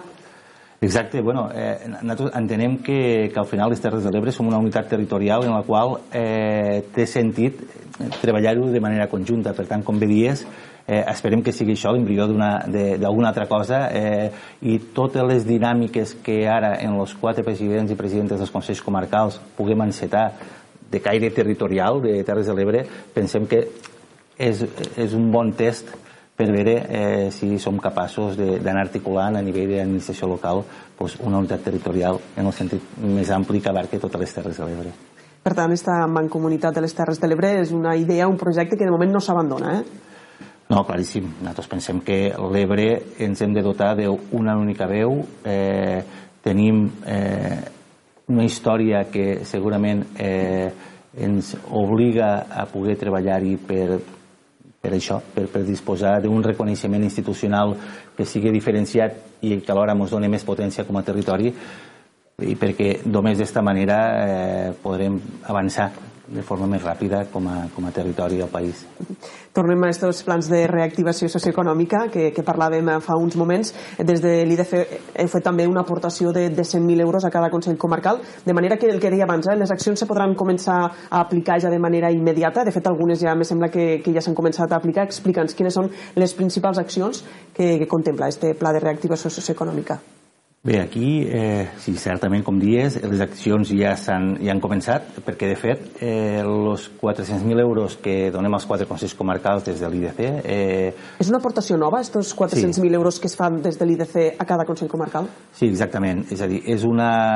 És a dir, quan se declara l'estat d'alarma, ja també des de l'IDC, aquesta legislatura, ja penja del Departament de Vicepresidència, Economia i Hisenda, i ja rebem l'encàrrec d'intentar enfocar el pressupost de, de l'IDC eh, sent sensibles als efectes de la pandèmia i, i, i, i d'això es tractava. No? I per tant, eh, habilitem una partida de 400.000 euros al pressupost eh, que, que no estava pensat eh, quan se va confeccionar per a, evidentment per a aquestes coses i és la primera vegada que, que hi ha una partida d'aquest tipus. Eh, els consells comarcals tenen fins l'1 de març per poder justificar les despeses, però que sempre han de ser despeses fins al 31 de desembre. Per tant, després és que d'aquí 15 dies ja hauran d'estar totes de, eh, accions desenvolupades per entendre'ns. Esta era, penso jo, el valor afegit, que, que ja podíem eh, enxufar recursos per actuacions eh, imminents, no? i jo crec que la pandèmia ho requeria. Eh, els consells comarcals, bàsicament, l'altre dia ho presentaven, eh, en, en, algun, en algunes línies són, són comunes tal com parlàvem abans, perquè eh, han anat treballant conjuntament i, per exemple, tot el que és reforçar el producte agroalimentari de proximitat de Terres de l'Ebre, tant a nivell de portes cap a dins del territori, com també aquesta promoció de portes cap a fora. I, i, i esta setmana ja va començar també un, un spot publicitari a, a, a mitjans d'àmbit nacional i territorial eh, per publicitar lo, les Terres de l'Ebre com a territori de proximitat. I pensem que també ens han de conèixer, ens han de conèixer al mercat català, que moltes vegades costa de, de posicionar-nos, i, i evidentment també hem de potenciar tot el que són les pautes de consum de producte quilòmetre zero i de proximitat també al propi, al propi territori. Hi ha altres projectes molt interessants com, com dinamitzar i, i posar eh, adequar espais de coworking i també un projecte per a totes les Terres de l'Ebre que lidera el Consell Comarcal de la Ribera que és eh, convertir les Terres de l'Ebre en, en, un dels, dels, en un dels territoris de Catalunya 5G i, i per tant eh, aquí ser molt competitius en un moment en el qual tota la tecnologia, les aplicacions en aquesta tecnologia eh, tenen molt de recorregut i aquí intentarem posicionar-nos com a territori. Per a sortir segurament d'esta crisi social i econòmica derivada de, de la Covid-19 caldrà aquesta visió estratègica i territorial. A les Terres de l'Ebre hi ha un pla redactat, el Pla Estratègic de les Terres de l'Ebre, redactat per la Universitat Rovira i Virgili, que podem dir que l'any 2014 va quedar en un calaix. Eh, es va considerar que, que no servia. Caldria rescatar-lo, redactar-ne un de nou. Què caldria fer amb aquest pla estratègic de les Terres de l'Ebre? Bé, amb el, amb el tema del pla estratègic, primer hem d'aprendre del que segurament eh, tots eh, ens vam equivocar al seu moment, però és evident que les Terres de l'Ebre no poden renunciar a disposar d'una reflexió estratègica que sigui un, un guió, un full de ruta compartit per tots els actors del territori eh, on puguem identificar en, a on hem de focalitzar els esforços tant del govern de la Generalitat com de l'administració local, com d'universitat, com d'agents socioeconòmics. Per tant, Eh, des de l'IDC ja vam encarregar a, a la Rovira i Virgili i també ho estem treballant amb el Consell Econòmic i Social de les Terres de l'Ebre perquè entenem que aporta el valor imprescindible de que tant associacions d'empresaris com administració local com govern de la Generalitat, com, com, com sindicats, tots a una mateixa taula, eh, també en la, en la Universitat Rovira Virgili, eh, vam encarregar una actualització de, d'aquell pla estratègic que, com tu dies, eh, s'havia de presentar el 2014. Mm, este pla estratègic ja incorpora, és a dir, és més que pla estratègic, perquè un pla estratègic per a mi sempre eh, vull fugir d'esta concepció, però aquesta reflexió estratègica del territori ja incorpora els aprenentatges de la pròpia pandèmia, perquè el, la pandèmia del Covid ha accelerat una sèrie de, de tendències que teníem identificades però, però les ha accelerat d'una manera espectacular, per tant hem d'incorporar aprenentatges del Covid, també eh, incorpora eh, les línies mestres del, del pla de reactivació que va presentar el govern de la Generalitat, emmarca l'agenda 2030 perquè entenem que com a territori eh, Terres de l'Ebre també hem de focalitzar-nos amb els objectius de desenvolupament sostenible i el que marca l'agenda 2030. Per tant, eh, ens posa, i ara evidentment tampoc hem de deixar de banda els fons eh, Next Generation EU no, que, que va presentar la Unió Europea i que com a territori eh, no podem permetre que ens passi de llarg, per tant hem de ser capaços de generar projectes per poder ser candidats a, a aquests fons. Vostè ara parlava d'aquests fons de la Unió Europea, són 140.000 milions d'euros no?, que han d'arribar a l'estat espanyol. Eh, com se'n poden aprofitar les Terres de l'Ebre? Perquè de vegades dona la sensació que aquests grans plans, no?, grans quantitats de diners que no acaben traduint-se al territori en inversions. Creus que hi ha una oportunitat real en aquests diners de, dels fons de la Unió Europea a les Terres de l'Ebre? Jo penso que claríssimament, i, i en primer lloc depèn de nosaltres. És a dir, jo soc, no, no sóc dels que sempre busco enemics externs, sinó que al final la feina me l'hem de fer nosaltres perquè ningú me la farà. Eh? Per tant, el que hem de fer com a territori, eh, evidentment, eh, fons mm, encara falta saber la lletra, la lletra minuda eh, de, de quines seran les bases i com acabaran de, de canalitzar-se aquests fons, cert? però el que és evident en la informació que disposem és que els pressupostos generals de l'Estat, aquests del 2021, hi haurà 27.000 milions d'euros eh, derivats d'aquests de, fons. Eren, com tu dies, eren 140.000 milions, dels quals eh, 72.000 milions, si no m'equivoco, estan al triani 21-23, i la major part, el primer any, el, el 2021, 27.000 milions, i serà el primer any que hi haurà més recursos que mai i menys projectes que mai. Eh? Per tant, aquí és on s'obre una finestra d'oportunitat important i nosaltres com a territori són fons eh, al final que permeten, eh, que, que pretenen eh, transformar els sectors productius. Per tant, són fons contracíclics. Per tant, eh, i, i és important aquí que repensem i recupera una miqueta la importància de disposar d'aquesta reflexió estratègica de com ens hem de posicionar com a territori i que, cap a quins sectors econòmics eh, hem d'apostar eh, i, i on podem ser competitius i, i on no podem sortir. Eh? I per tant ho hem d'identificar, ja disposem de projectes, els hem de recopilar, eh, hem d'encarregar-ne de, nous i, i evidentment i ser candidats a que al moment que s'obri la finestra nosaltres ja disposar dels projectes per a poder tirar-los endavant. Per tant, seria un error eh, monumental com a territori eh, un, confiar en algú de fora que ens hagi de solventar penso que ja hem passat esta, esta etapa i dos, no començar a encarregar projectes per tal de que quan s'obri la finestra d'oportunitat poder-nos abocar. Per tal de, de poder optar a aquests fons, caldria potser algun any un organisme del territori que, que hi apostés. No sé si l'IDC podria ser el candidat de funcionar com, este, com una mena d'agència de desenvolupament de les Terres de l'Ebre i, i captar aquests fons per a, per a després invertir-los al territori.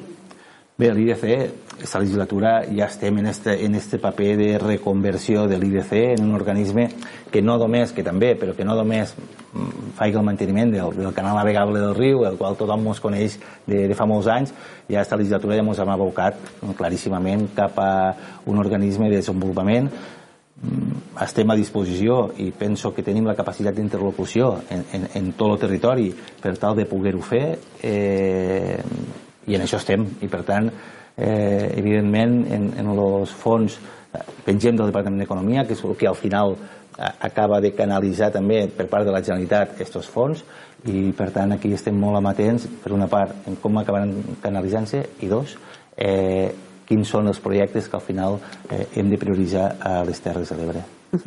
Abans parlava també del Consell Econòmic i Social, eh, que s'ha reactivat, no? Tot just amb la pandèmia es va reactivar un organisme que feia temps que no es reunia, ara s'ha reactivat. L'altre dia aquí el secretari general de la UGT deia que se'n van sortir en el seu moment i que estan esperant que se'ls convence per a tornar-hi a entrar. No sé si, si han pogut parlar amb la UGT i si la voluntat és esta, eh, de continuar impulsant el Consell Econòmic i Social de les Terres de l'Ebre.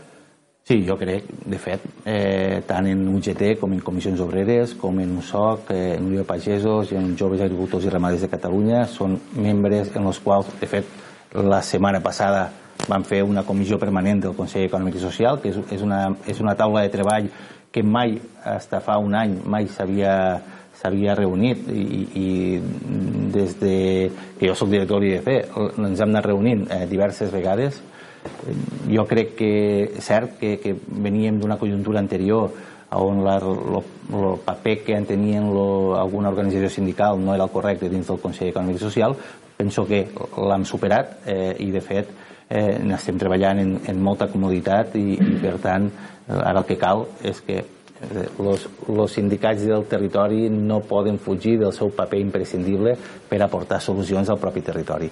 I entenem que el Consell Econòmic i Social és això i estic convençut que ells també ho entenen així i les relacions són, són molt fluides, francament. Mm.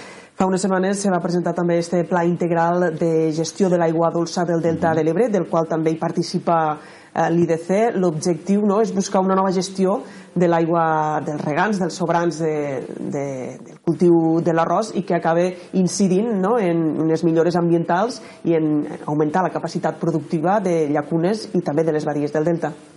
Sí, és un projecte en el qual estem molt satisfets perquè és un projecte que, que estira el Departament d'Agricultura i, i, i ens busca la complicitat al seu moment per intent, perquè també aquí també juga evidentment el Parc Natural, el Departament de Territori. Eh, històricament sabem que la, dir, al final els drets concessionals de l'aigua al Delta estan, eh, són de les comunitats de regants i jo he d'agrair a les comunitats de regants que penso que hem compartit la visió i han sigut molt generosos en, en intentar que aquesta gestió de l'aigua no només la faiguen en funció dels seus estrictes criteris i necessitats, sinó que es puguen obrir a un sistema de cogestió modern en el qual intervinguen també eh, agricultors, intervinguin caçadors, i, és a dir, tots els, tots els col·lectius d'una manera o una altra se veuen afectats per una gestió de, de, de l'aigua dolça o una altra. Eh, per tant, aquí posem una, una mateixa taula a tothom, on eh, tothom també eh, podrà anar posant sobre la taula doncs, quines són les seues necessitats i, i definir un sistema de canals de sèquies de desguassos i, i, de, i de bombatges al delta que pugui satisfer doncs, a, tot, a totes les parts. Pensem que és possible. I també, per una altra part, eh, tinguem en compte que este pla de gestió naix de la taula de consens. El que passa és que el, el temporal Glòria al final obliga que la taula de consens ha de prioritzar per emergències. Eh, i és cert que dins de l'adaptació al canvi climàtic, per tant a pujar al nivell del mar del delta, també hem de treballar per l'adaptació del seu sistema productiu de tot el conreu de l'arròs. I per tant el pla de gestió és una eina imprescindible per tal de, al final, que el sistema eh, de rec el, la producció de l'arròs del delta s'acabi adaptant en este canvi climàtic. Les decisions eh, com, com es prendran d'aquest sistema de, de cogestió? Com s'acabaran prenent les decisions? Bàsicament en una taula de cogestió en la qual, evidentment, eh, són les comunitats de regants qui en últim terme acaben determinant, només faltaria, eh, què es pot fer, què no es pot fer en la seva aigua, eh, però eh, on ens sentarem eh, totes les parts, per tant, eh, tot, és a dir, regants, eh, sector aquícola, eh, caçadors, eh, parc natural, eh, Departament d'Agricultura i, i IDC, i allí compartirem, l'IDC ja, vam, ja vam encarregar, ja, ja estem a punt de, de tindre el resultat final, eh, una primera planificació per elaborar aquest pla de gestió, el compartirem amb tothom i a partir d'allí doncs, farem una taula comuna i, i implementarem doncs, això, un sistema de cogestió d'esta aigua. Se'ns acaba el temps. Una última pregunta. L'IDC és una de les entitats adherides a la taula de consens del Delta. Com, com valoren aquesta estratègia Delta presentada pel Ministeri per aturar la regressió al Delta de l'Ebre? Bueno, realment aquí tenim una, com a territori tenim una decepció important. Eh, ja vam veure el, el projecte de pressupostos generals de l'Estat que pràcticament no hi havia recursos per al Delta en un any en el qual si hi ha, si hi ha algun any en el que el Delta està al mapa, per desgràcia és este, eh, i ara en la, en, la seva, en la seva estratègia Delta és cert que, que hi ha alguna, alguna part positiva, com és que per d'una vegada per totes, després d'anys i panys, eh, aposten per, per arrencar en, en la gestió de sediments. Al final, no ens hem d'oblidar que el gran problema que tenim al riu és la gestió de cabals i de sediments i evidentment ara accentua en canvi climàtic, accentua els problemes del delta però que salten els camins de guarda. Jo que sóc repitenc eh, que ja tenim un camí de guarda en un projecte executiu aprovat eh, en expropiacions fetes a tots els particulars que hi ha un tram desenvolupat pel propi Ministeri i que ara entenguem que no és eh, recomanable és un pas enrere que no es pot acceptar i després també la, retranquejar 500 metres a algunes parts del, del litoral del delta, per tant, apostar ja per renunciar a conservar la morfologia entenem que és inacceptable per al territori. En tot cas, marge per a reconduir la situació, no? Esperem. És el missatge per part de tots? Esperem. doncs moltes gràcies a Albert Salvador, director de l'Institut per al Desenvolupament de les Comarques de l'Ebre, per haver estat avui al nostre programa. Fins a la pròxima. Gràcies per convidar-me.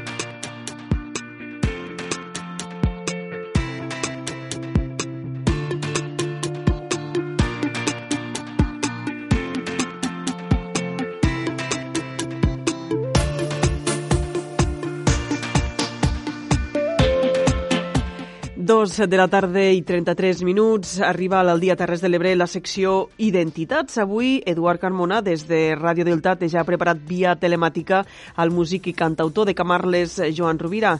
Eduard, bona tarda, és així, no?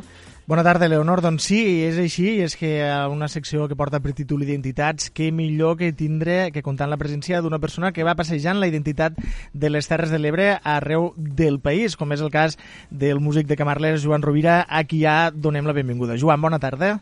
Com estàs, Edu? Molt bé, molt content de tindre tal programa. Crec que és la primera vegada que tenim el Dia Terres de l'Ebre el programa que fem conjuntament amb les set ràdios eh, municipals de les nostres terres i estem molt contents de parlar amb tu. Mm, justament ara que estem anant de cara a Nadal, Joan, a una època molt d'estar a casa, de recolliment, enguany més que mai, sí. i, i també una època en la que surt, es publica sempre, tots els anys, el disc de la Marató. Uh -huh. Un disc que l'any passat ja hi vas col·laborar, fa dos anys diria que també, ara m'ho corregiràs tu, no estic segur, Sí, bueno, acaba, acaba. Sí. primer, primer deixa'm equivocar-me i després ja em corregis. Exacte, no. I, I enguany sí que has tornat a participar, això segur. Sí, bueno, eh, sí, la veritat que són dates especials. Això que dius de, de que tots tenim ganes d'estar a casa, crec que és el primer Nadal que ningú té ganes d'estar a casa ja, Sí. perquè hi han, hi han passat...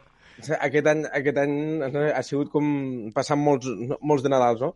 Però sí que és veritat que sempre pues, bueno, és, una, és una època especial. Serà un Nadal super diferent, no sé com el viurem, la veritat. A casa suposo que tots estem fent plans de, de, de la mateixa nit de Nadal, de, de, Del dia de Nadal, de Sant Esteve... del, eh, exacte, I, i encara crec que cap família té clar aquest any com serà, no? De quan Mhm. serem al dinar, què farà, si la família de fora vindrà finalment o no, i, i tot este rotllo, no? Eh, bueno, jo, per exemple, eh, he estat dos mesos sense concerts i este Nadal pues, encara podré fer alguna cosa, faré un, eh, un 4 o 5 concertets de, o sigui, concerts, diguéssim, de Nadal eh, per algunes sales i això. Per tant, per a mi és molt important aquests concerts perquè vinc d'una sequia de concerts. Este octubre-novembre ha sigut terrible. Ara, ara parlarem No, no, de tot sí. això. Ah, parlarem de tot això, que em sembla que, em sembla que no te'n recordes la pregunta que t'he fet. No, parlarem res. parlarem de, del disc de la Marató. Ah, arribarem als concerts. Ah, que, vale, vale, vale, vale. Que és l'altra cosa important. Sí, eh, vale. perquè, perquè hi ha una sèrie de preguntes que vull fer d'estos concerts. Vale. Però, d'entrada, eh, època de Nadal, Sí, època de recolliment, perdona. la gent... Som... No, home, no, tranquil. La gent som solidàries, comprem disc de la Marató i enguany mos tornem a trobar Joan Rovira. Ah, això mateix. Bueno, fa dos anys vaig participar, com tu has dit, l'any passat no, fa dos anys em van donar una cançó, Sí. tal. Aquest any és més col·laboratiu, hem volgut fer com un projecte més de, de molts d'artistes, eh, pues, bueno, aquest any estic més de, de corista, diguéssim, potser no tant de, de, de primera línia, no? però, però l'important crec, crec és que contenen tu i, i, i, i bueno, pues, eh, sempre em fa molta il·lusió poder participar. A part que eh, per, a, per, a, per a tots els artistes, diguéssim, la marató pues, és com un... Des de sempre ho han viscut a casa i recordo, pues, no, pues, fa dos anys, com per primer cop em van trucar per col·laborar, pues, va ser una... Eh, Una alegria. Bueno, sí, va ser molt important per mi, saps? Perquè, pues, bueno, tots els artistes eh, grans del nostre país pues, passen per allí i que contestem Sí. pues, pues, és important. A més a més, és un dels discos més venuts eh, cada any. O sigui, no es pot comparar les vendes del disc de la Marató amb pràcticament avui en dia amb les vendes de, de cap disc. Mm. Vol dir que és un Sí, disc que es troba a totes les cases. Sí, suposo que és un costum, no? Eh, mirar el programa de la Marató, comprar el disc, més enllà de, de si t'agrada o no les cançons que surten, ja és com un costum de dir, bueno, va, doncs cada any col·laborem al disc de la Marató, eh, no sé quin artista hi col·labora, però de totes formes és, és com una acció que hem, que hem fet nostra no? al llarg de tants anys i, i que també ens, pues, ens, ens reafirma que som un país solidari i, i, i, i bueno, pues que, que estem allí. i que a totes les cases que adquirisquen en este disc podran trobar un representant, com a mínim, en esta, en esta cançó coral, uh, un representant de les Terres de l'Ebre, en este cas, um, és, ets, ets tu, ets Joan Rovira. Soc, soc jo. Oh. uh, això de cara a Nadal, com tu dies, també de cara a Nadal um, sembla que tenies alguns concerts que encara es mantenen, però la majoria han caigut.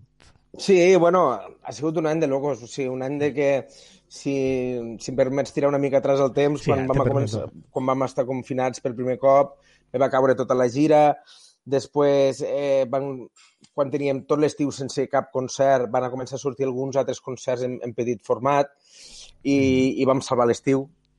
Després ha sigut esta segona tongada, diguéssim, confinada, que també es van tornar a cancel·lar uns concerts i es va quedar eh, el calendari desèrtic a nivell de, de concerts, diguéssim, i ara, pues, en breu, han sortit uns quants concerts eh, també en petit format que m'han salvat, o, o sigui, una mica, o, o que salvaran no només a mi, sinó a altres companys d'ofici pues, aquest hivern, no?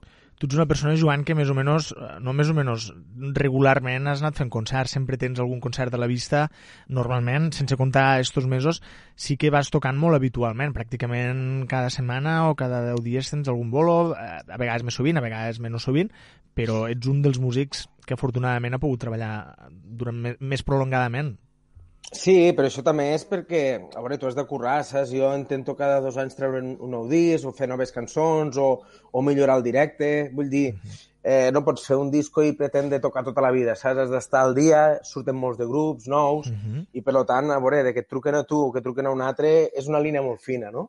Llavors, mm, com tu dius, doncs, bueno, sí, he tingut la sort des de fa molts anys, ja quan tocava Mira, i, jo vaig començar a viure de la música als 16-17 anys, que vaig començar amb una orquestra, ai, amb, una, amb una xaranga, mm -hmm. tocant pels pobles. Després vaig entrar en, en els juniors d'Amposta, en l'orquestra, on vaig estar 5 anys, i més o menys he anat, he anat fent durant tots aquests anys. O sigui, he anat, porto, a veure, si en 20 anys vivint de la música, millor o pitjor, sobrevivint, si vols, en, en algunes èpoques, uh -huh. però, però anar tirant, no? I sí que és veritat pues, que és, és un, estil de vida que és molt incert, no? Perquè depens, com ja t'he dit, d'una trucada de telèfon, no? Tan simple com això, no? No és com un funcionari que treballa, saps que cada mes te cauen uh -huh. i tal. Aquí depens de que el regidor o el programador pues, compten tu, no? Per la festa o, o, per la, o pel festival que es vulgui programar. Llavors, claro, aquesta inseguretat, els artistes ja hem après a conviure amb aquest ai, ai, ai. És el que es vull dir, de dir, a veure, o sigui, sempre comencem una mica l'any amb, amb, amb pocs concerts i a mesura que ve el bon temps van programant i, i la cosa es va animant, no? Però aquest any, claro, aquest any se suma una mica la incertesa que per defecte ja tenim els artistes, més aquesta incertesa eh, doblada que és, que és pues, pues, aquest confinament, aquesta pandèmia que fa que ja te trenquen tots els esquemes i que llavors aquesta línia tan fina que és que et contractin encara sigui més fina, no? I llavors pues, ens genera una mica d'inquietud, no? Eh, normal. Tu, però, com a bon músic, sí tens, tens moltes habilitats d'adaptació i d'improvisació, per dir-ho així, i durant, durant aquesta època, sobretot lo, durant els primers mesos del confinament, vas uh -huh. fer una aposta de fer petits concerts al sofà de casa? Sí. Al sofà de casa Però... i a través de les xarxes socials, a partir de temàtiques i, que proposaven no? lo, lo, la teva pròpia audiència de les xarxes socials. Sí, també una mica va ser eh, una finestra o com una teràpia per mi, saps? O sigui, refugiar-me en la música, aquells dies que semblaven tots iguals i que d'alguna manera les parets et caien a sobre, no? Eh, poder fer concerts diaris així va ser una forma de d'entretindre la gent, que també estava a casa igual com jo, però, però també pues, de tindre alguna que fer aquells dies, no? Perquè era, era molt fàcil caure en la... En l'abandó. En el meu cas, no? sí, en la, sí, sí, en l'abandó. No canviar de roba, no? Sí, allò... Sí, amb el pijama cada dia. Cada dia el allò, pijama, no? una bossa... Eva calenta. Sí, a l'estiu. Bé, és Saps? I... sí. La música com a teràpia, diguem. Exacte, sí. Llavors, doncs, bueno, vaig proposar a la gent de que si volien que fes un concert diari, jo pensava que allò duraria una setmana o dos, va durar dos mesos, però llavors mm. vaig ser esclau de les meves paraules, saps? I vaig tenir que aguantar tot el projecte fins al final, no? Perquè, com tu ja saps, ens coneixem de fa anys, sóc un home de paraula. Ja saps? Sí, sí, i tant. uh, el cas és que podríem dir que durant aquells, aquelles setmanes pràcticament uh, vas morir d'èxit, no? Perquè era cada dia havies tenies una mica aquesta obligació no? de complir davant sí, dels teus sí. fans, però la resposta va ser molt bona. Va ser molt bona, tio. A veure, jo pensa que cada dia em despertava i ja m'estudiava les 5 o 6 cançons que tenia que cantar. O sigui, cada dia la, la meva... Eh, Vida? Sí, tarea, com... En català com és? Eh, tasca. Tarea? Tasca. Ah, tasca, tasca, tasca, perdó. És que tasca vol dir butxaca en italià. Sí, i bar, també, no? Ah, bueno, exacte, molt bé, molt bé.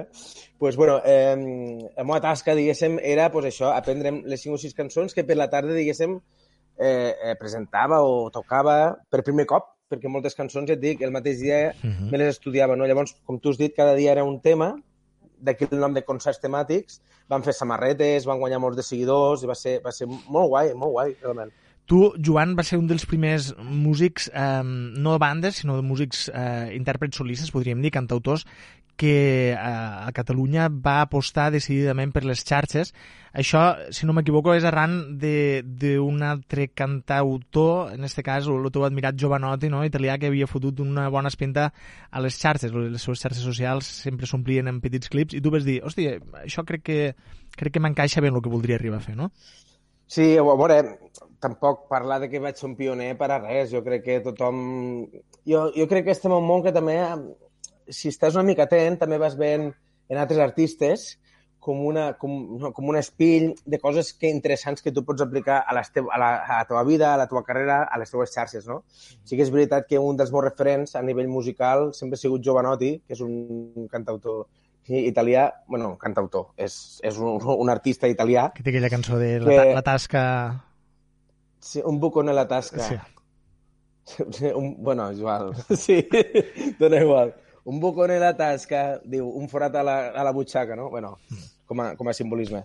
Dona igual. Eh, pues sí, home, eh, no sé què dir-te, vull dir, agarro referències, influències d'altres artistes a nivell musical, a nivell de com transmeten aquella música, perquè al final una cosa que he après en tots els anys que fa que, que sóc músic, és que no només són une, unes cançons o una veu el que et fan artista o el que et creen els seguidors, sinó tot allò... Jo sempre dic que un concert, quan enganxes més al públic, és entre cançó i cançó. I això és una màxima que, que sempre he, he apoyat i, i, i sempre crec que o sigui, crec que ho continuaré eh, reafirmant de que, de que el públic, si tu comences a cantar un concert i no, i no parles entre cançó i cançó i vas però això és com, és com posar un CD al final, saps el que vull dir? Llavors, Mm, clar. el que jo crec que entre cançó i cançó, parlar amb la gent, fer alguna broma, explicar les lletres, tot allò que, que no està escrit però que eh, funciona per a connectar la gent. I llavors, doncs, les xarxes socials, no? o com aquest, mm, en aquest cas, per exemple, els concerts temàtics, quan feia 5 o 6 cançons cada dia, jo estava 40 minuts. Què vol dir?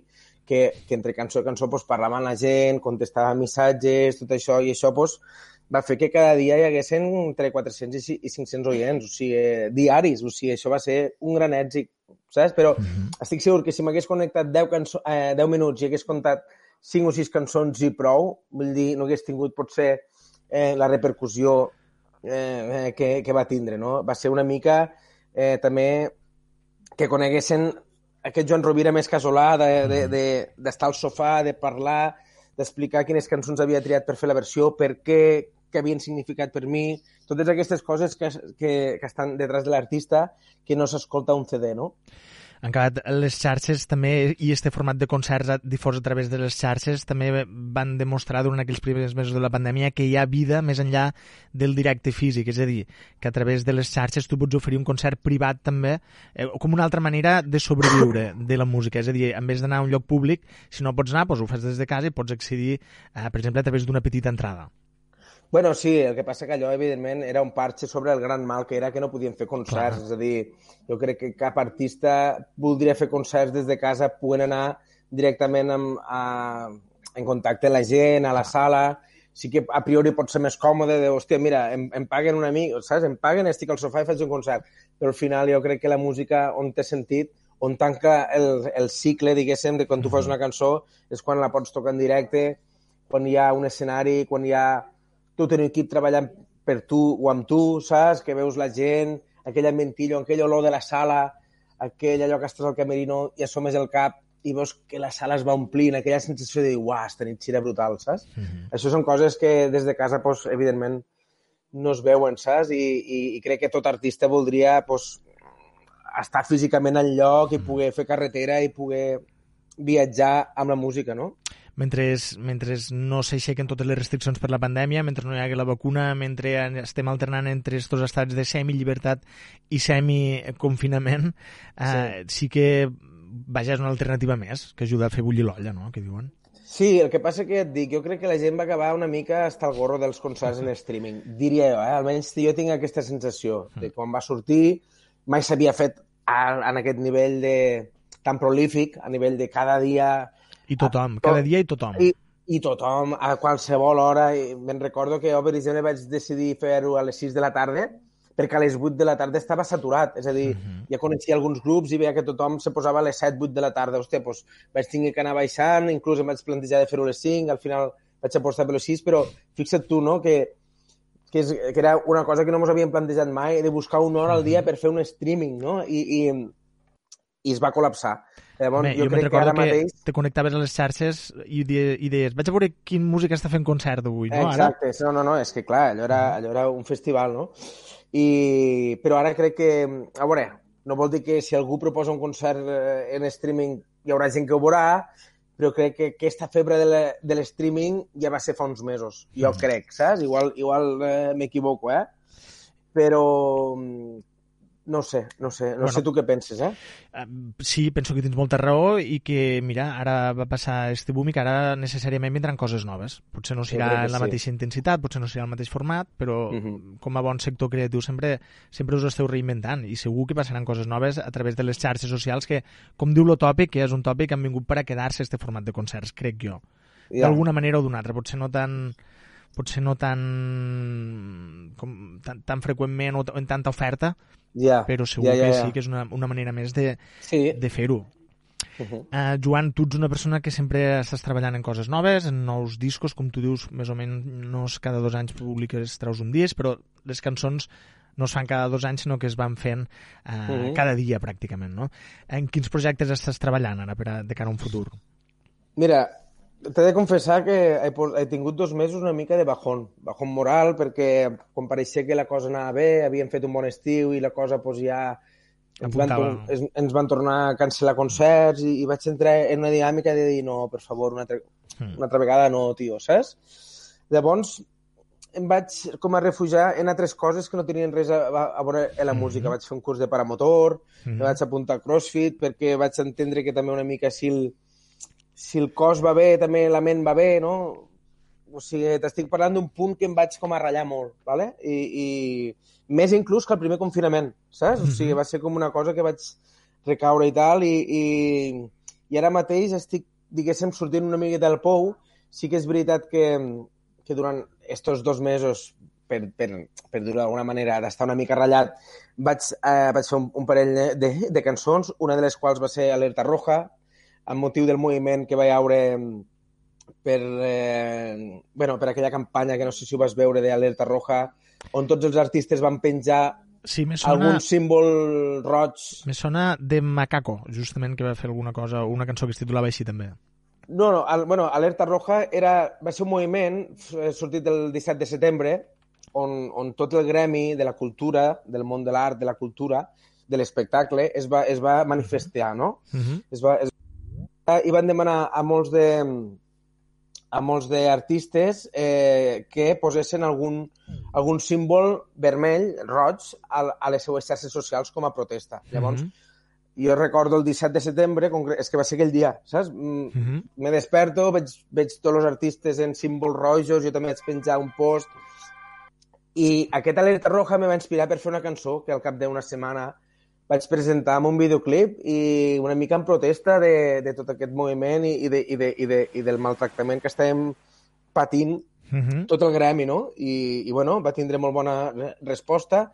Va ser un tema en castellà, que no acostumo... O sigui, normalment tothom que em coneix ho sap, que, no, que, el, Uh -huh. que, que sempre escric en català, però aquest alerta roja que vaig sentir tant i tant em va inspirar, doncs, alerta roja, eh, que també es podria eh, pronunciar alerta roja, saps? Però en aquell moment alerta roja sonava tant que em va, que em va donar el títol ja de la cançó en castellà, no? També vaig entendre que potser si ho feia en castellà el missatge es podria com a propagar una miqueta més, saps? Uh -huh.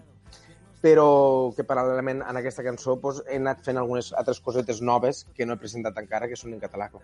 Cancelando mis conciertos, alerta roja calculando mis ingresos en el vacío de mi calendario, la confusión en el telediario.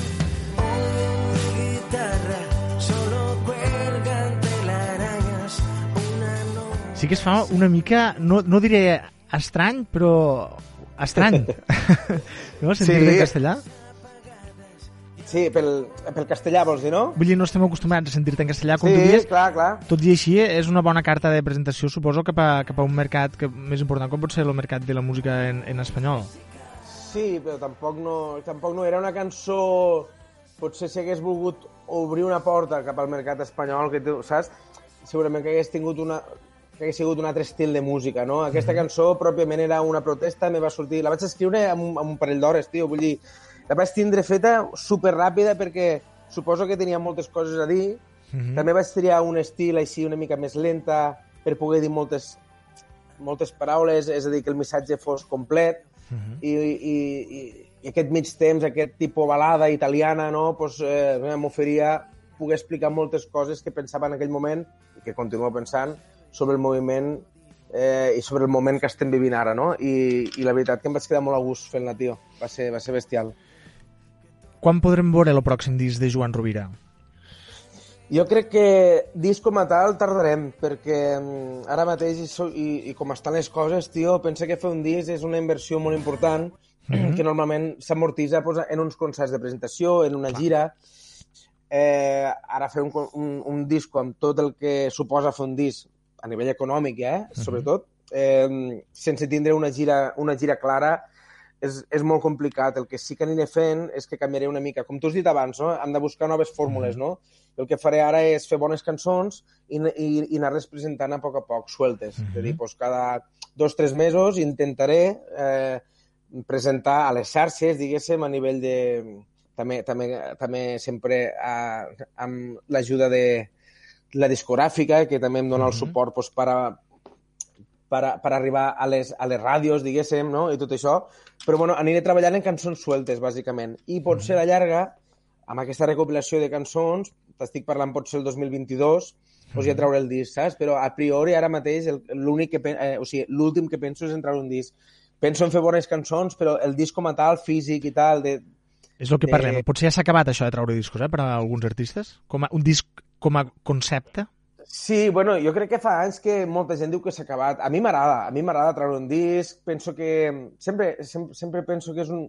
El disc, amb, amb aquelles 10 o 12 cançons, és com una fotografia del teu moment artístic, no? Uh -huh. Que has viscut durant dos anys i, i, crec, i crec que bueno, potser encara tinc aquest plantejament romàntic de que el disc pues, ha de tindre un, un equilibri en cançons, en el meu cas, no? eh, una mica més intimistes, una mica més festives, que sigui com una representació de, de tu, no? Amb, amb, amb 40 minuts, no? Joan Mosquer, en 30 segons per acabar aquesta entrevista. Uh, amb, amb, on, on tenim el pròxim concert de Joan Rovira? On podem disfrutar Joan Rovira? Bueno, doncs mira, els pròxims concerts són esta setmana que ve a Lleida, tocaré lo que és lo, lo 12 a Lleida, lo 13 a Sabadell, lo 19 a Vilafranca, lo 20 a, a Lleida.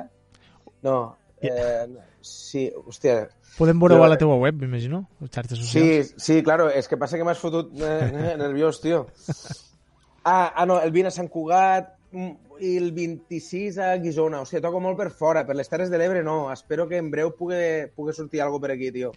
Esperem que sí, ens en farem ressò i tornarem a portar perquè ens expliques com prepares el pròxim concert, en cas que sigui pronte i, i puguem disfrutar d'aquí les Terres de l'Ebre. Joan Rovira, músic de Camarles, moltes gràcies per atendre la nostra trucada i molta sort. Merci, Chato. Una abraçada a tots. Adéu. Doncs moltes gràcies, Eduard, per esta conversa amb el músic de Camarles, Joan Rovira. Us heu menjat pràcticament tot el temps d'esta segona hora de programa. En tot cas, ja saben que l'Aldia Terres de l'Ebre tornem tot seguit. Uh, avui és divendres i tornem amb tertúlia d'actualitat. Fins ara. Un muro de ladrillos que no se impide ver, que no se impide salir a jugar.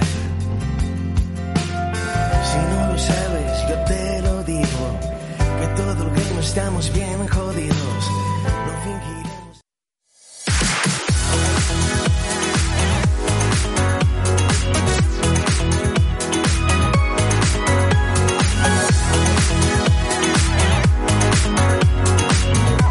Al dia Terres de l'Ebre, amb Leonor Bertomeu. Molt bona tarda, benvinguts de nou a l'Aldia Terres de l'Ebre. Com saben, estem en directe des de la una del migdia i els acompanyarem encara fins al punt de les 4 de la tarda en esta tercera hora de programa. Avui tenim tertúlia política i en la que abordarem un dels temes del dia i és la decisió del Tribunal Suprem de revocar el tercer grau als nou polítics independentistes empresonats. Ja saben que ens poden seguir a través dels dials de la Plana Ràdio, de Ràdio Tortosa, de la Cala Ràdio, de Ràdio Joventut, de Ràdio Delta, d'Amposta Ràdio i de Ràdio Mora la Nova. Són les 3 de la tarda, gairebé 6 minuts, i donem pas ja aquí a la tertúlia del dia.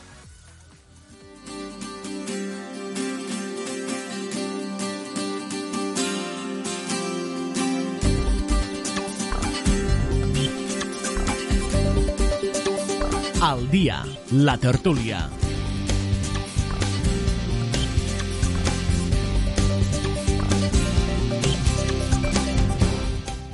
Per a començar la tertúlia, saludem en primer lloc els nostres convidats d'avui. Via telemàtica tenim a Enric Adell, alcalde de Pauls i president del grup d'Esquerra Republicana a la Diputació de Tarragona. Enric Adell, bona tarda, benvingut a l'Aldia Terres de l'Ebre. Bona tarda i moltes gràcies. També tenim a Manel Macià, regidor de Junts per Amposta i membre també de l'executiva regional territorial de Junts per Catalunya. Manel, bona tarda. Hola, bona tarda. I Via telefònica tenim a Tere Castellà, secretària d'Organització i Acció Electoral de la Federació del PSC a les Terres de l'Ebre. Tere, bona tarda.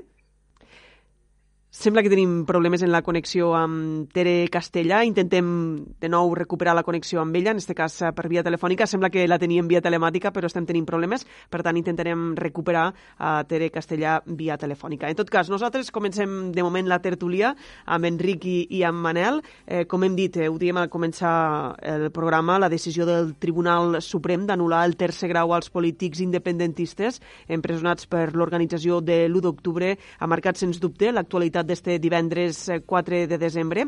La decisió afecta especialment a l'expresidenta del Parlament, la xertolina Carme Forcadell, eh, expresidenta del Parlament de Catalunya, que recordem està condemnada per sedició a 11 anys i mig de presó, ja que ella, juntament amb Dolors Bassa, doncs, gaudia d'este tercer grau i, per tant, esta nit hauran de, de tornar a la presó. Sembla que, no, que d'acord amb, amb este tercer grau penitenciari que podien gaudir, doncs els caps de setmana els podien passar a casa, però amb esta revocació que hem conegut avui del Tribunal Suprem, esta nit hauran de tornar ja a la presó. Les reaccions no s'han fet esperar i tant els presos eh, com els partits independentistes parlen directament de, de venjança del Tribunal Suprem. Eh, no sé com com ho veuen els nostres tertulians, Enric. Perdona, però t'estic, eh, no sé si és per culpa de la col·lecció, però te sento mo molt malament. No, apenas t'he pogut escoltar, eh? Em sento molt soroll de fons. Sé que em preguntaves pel tema al principi, però m'he perdut. Eh? No, no sé si és algun problema meu de connexió, us li passa també als, de, als altres companys, però no, no t'he pogut escoltar, perdona. No sé si Manel té, té problemes uh, amb la connexió, si ens ha pogut escoltar bé. En tot cas, el primer tema que volíem posar damunt de la taula és aquesta decisió del Tribunal Suprem de, de revocar el tercer grau als presos independentistes i el que comentàvem... Perdona, però t'estic, eh, no sé si és pel doncs intentarem contactar amb ell també via telefònica. Sembla que avui ah. tenim problemes amb la connexió. Manel, si vols començar tu. Sí, jo te sento també molt fluixeta, però intuïixo, bueno, és una situació injusta. Està clar, el 100.2 s'ha volgut revocar, eh, els presos continuen a la presó, eh, eh, fa tres anys que estan, fa més de mil anys, ai, mil dies, perdó, mil dies que estan, que estan a la presó i jo crec que és una situació insostenible. Jo crec que s'ha de començar a buscar una solució política eh, en això. No? Aquest govern espanyol eh, ha de fer una llei d'amnistia i l'ha d'aprovar, eh, si vol, amb aquests eh, 180 amb aquests 188 valientes i patriotes, si vol, els que els aprovi amb ells i aquesta llei d'amnistia l'ha de tirar endavant. Jo crec que eh? és una situació molt incòmoda per a aquells que van defensar l'1 d'octubre, bàsicament, eh, hem de recordar que ells van representar a dos, dos milions de valents que van anar a votar aquell dia mentre les porres del govern espanyol venien a, a pegar-nos. Tere? Eh, bueno, jo, Manel, sí que el sento millor. Eh? Perfecte, millor. El problema en aquest sentit amb el Fuixet Leonor. Eh, ara ja... Sí, bueno, eh, referent al tema d'este matí, jo crec que aquí hi ha justícia en este cas és una mica d'injustícia, per no dir moltíssima.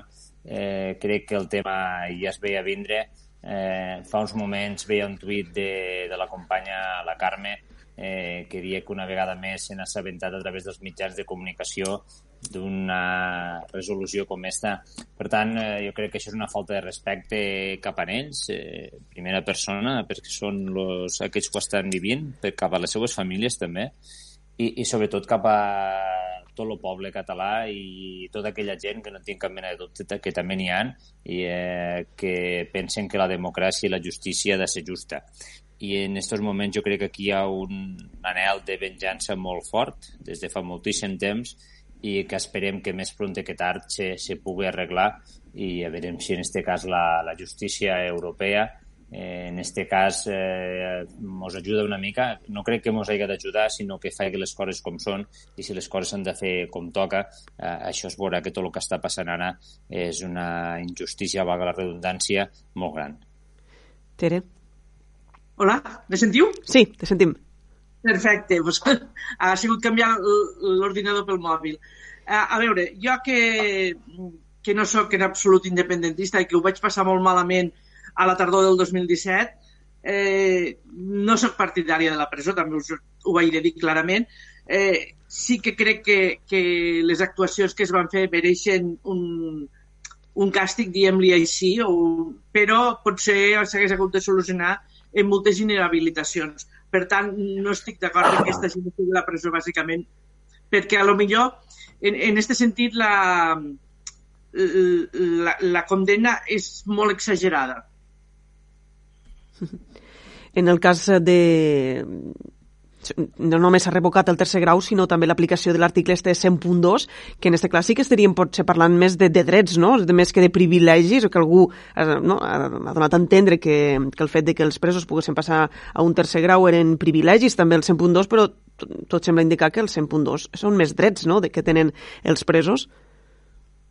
A veure, jo és que no trobava malament que sortiguessin, la veritat. Per tant, mm, a mi em sembla malament que els hagin revocat. Eh, ja ho he dit abans, si, si jo que no soc independentista no els hagués posat aquesta condena, doncs no puc estar a favor de que ara els hi treguen eh, els drets o els privilegis, dieu-li com volguéssiu, més igual al fet de que sortiguessin al carrer a treballar o a estar amb la família. Perquè no és una gent que a veure, que penséssim que pot tornar a delinquir, per dir-ho d'alguna manera, com pots pensar d'una un, persona que ha fet un altre tipus de, un altre tipus de, de delictes. I jo l'únic que intentaria aquí és que el, el tema privilegis en aquella gent que, que porta tantíssim temps tancada i que ara, arran de un articulat, eh, estava sortint a fer uns treballs o el cap de setmana a la família, no són privilegis, sinó perquè aquella gent que porta tantíssim temps eh, que ens estigui escoltant i que pensi o les famílies, no? Privilegis, jo crec que privilegi cap ni un. Aquí eh, ho dia abans, eh? crec que s'ha anat a buscar un escarment sense cap mena de dubte, ho tinc clar des del primer dia, i, i per tant, aquesta gent feia el que els permetia la llei que per desgràcia estan allà dins per no fer les coses com toca. No, no pas ells, sinó la justícia que en este cas s'ha accedit un munt de pobles. I, I per tant jo crec que privilegi cap ni un, perquè estar tancat a la presó és molt dur, ha de ser duríssim i només mos cal veure com ens està costant a tots el tema del confinament, eh, el malament que es portava a l'inici, per tant, ara imaginem-nos setmanes, setmanes, dies i dies allí dins tancats. Per tant, jo crec que de privilegi cap ni un. Qui utilitza aquests adjectius eh, crec que la premsa que ho pot fer servir se li veu tota la intencionalitat i el que haurien de fer és estar tots al carrer sense cap mena de dubte i esperem pues, que més pront que tard pugui haver una amnistia. Sí, comentava que, que tan preventiva com prematura, no? Eh, deia que era la sentència que era, eh, era massa ràpid no? soltar-los després de mil dies. Eh, jo no sé si és que volen als presos de genolls demanant perdó eh, per, per donar-los la llibertat. Jo crec que al final el que volen és això, per estar este adjectiu de prematura eh, em sembla ridícul, la veritat hi ha una frase que m'agrada molt, eh, que és que la justícia espanyola té més d'espanyola que de justícia. I això hem de començar a aplicar-ho, perquè al final sempre hem d'anar a Europa, no? I, i en això tenim grans victòries, no? com, com la del president Puigdemont i els altres consellers, eh, i, i que ara són europarlamentaris, no? han pogut vèncer en això, tot i que, tot i que el PSOE ara s'ha alineat amb Vox i el PP, per reclamar que, que s'augmenti l'extradició, no? la, la rapidesa en l'extradició per, per sedició no? a nivell d'Europa. Eh? Jo crec que això tot ve també de, de, de la fiscalia te lo afina. Eh? Això, estem en una situació, jo crec, que rocambolesca en el tema de la justícia. I també perquè hi ha coses contradictòries, no? com que tenim a tota la cúpula d'interior absolta i els presos polítics encara estan tancats. La gent que va fer l'1 d'octubre encara està tancada. I és, són coses que no s'entenen. No sé, jo, jo veig molt malament eh, el que està passant amb, amb això perquè és un escarni total contra aquesta gent que, que fa massa dies que està a presó i en unes condicions realment molt dures. A més a més, tot hem de dir que aquesta decisió del Tribunal Suprem era previsible, és a dir, ja feia temps que s'esperava la decisió, però tothom també sabia quina acabaria sent aquesta decisió i que revocaria este tercer grau als presos eh, polítics, però en tot cas una mica com, com s'entronca aquesta decisió del Tribunal Suprem amb, no, amb, el, amb la política, amb els moviments polítics, eh, perquè en les últims, eh, últimes setmanes estàvem parlant de si s'avançava en l'indult, si una revisió del delicte de, de sedició, que sembla que per la part política sí que hi ha una intenció intenció de, de minimitzar, de rebaixar eh, la, la pena dels presos, fins i tot eh, que puguen sortir, s'havia parlat abans de les eleccions del 14 de febrer, i en canvi sembla que el Tribunal Suprem doncs, surt per un altre camí. Jo crec que això contradiu una mica el mantra aquest de, de, de la gent que diu que la justícia no és independent. Eh, no crec que en aquests moments al govern d'Espanya li interessi tot això que està passant i, per tant, la justícia va pel seu camí i els governs van per l'altre i a vegades és molt difícil conjugar-ho. Eh, crec que és, que és un que en absolut li interessa al govern d'Espanya que tot això surti ara, remogui ara, quan eh, s'estan intentant pactar coses i suavitzar les relacions. Així que jo crec que la justícia va pel seu camí. Sí que és cert que, que és molt, molt lenta i moltes vegades això la fa injusta, però en aquest cas pues, mm, no sé, va, pel, va per la seva banda. I respecte a Europa, no sé què s'ha guanyat a Europa. Vull dir, jo crec que Europa, de moment, el que ha fet és mm, que no estan els països nivellats en quant a, als graus de... Mm, als temes de, de, que jutjaven en aquest cas i que de moment tot això està pendent mentre no estiguin jutjats poden estar de parlamentaris però alguna vegada suposo que arribarà això ja està, no tinc res més a dir Enric ja seria reiterar-nos i jo crec que, eh, evidentment, eh, la, la part política, la part tècnica pot ser que ara no vagin a la mateixa direcció, eh, però el que passa és que, evidentment, eh, cada més faltaria que anessin en la mateixa direcció. I, i no estic dient que tothom sigui igual, eh, ni, ni molt menys. Eh. No en tinc cap mena de dubte que hi ha jutges i jutgesses eh, que fan la seva tasca perfectament. Eh? Aquí estem parlant, eh, generalitzar tampoc és bo, eh? vull dir, això també ho vull ficar de manifest perquè n'estic segur que el, el que estem parlant és un tema molt reduït, el que passa que evidentment estos, esto segurament són els jocs més importants, eh? però bueno, les coses eh, ja sabem com han anat històricament però jo crec que el que s'hauria de fer és intentar reconduir la situació políticament des de fa molt de temps. El problema és que també ja sabem que de política se n'ha fet molt poca i a vegades quan portes les coses eh, en este extrem, la part l'altra part política que això ho va voler, eh, pues ens trobem en aquesta situació i per desgràcia no serà de fàcil solució perquè la, la part en aquest cas eh, més tècnica, eh, la part funcionariat, eh, ara ja ha agafat un ritme, eh, tenen clar eh, els objectius, els venen marcant des d'un inici, s'ha vist que per a depèn que han sigut molt ràpids i van com un martell i no paren i no tenen cap mena d'escrúpol i ho han demostrat en les sentències i ho estan demostrant ara. Per tant, qualsevol cosa que, es, que vagi passant és previsible, per desgràcia és previsible, i el que deia abans, i en aquelles persones que estan tancades a la presó en aquests familiars més directes, però també en aquella gent que els coneixem, és molt dur, eh, però eh, és una cosa que ja ens esperàvem. Sempre tens aquella esperança de que ara canvi, però vist que no. Continuen a la mateixa direcció i la cúpula va i tira milles. I no sé si teniu això, l'esperança, eh, que puguen sortir de la presó abans de les eleccions del 14 de febrer. Se n'ha parlat, que és una possibilitat, si s'accelerés l'indut, però no sé si, Enric, tu veus aquesta possibilitat, eh?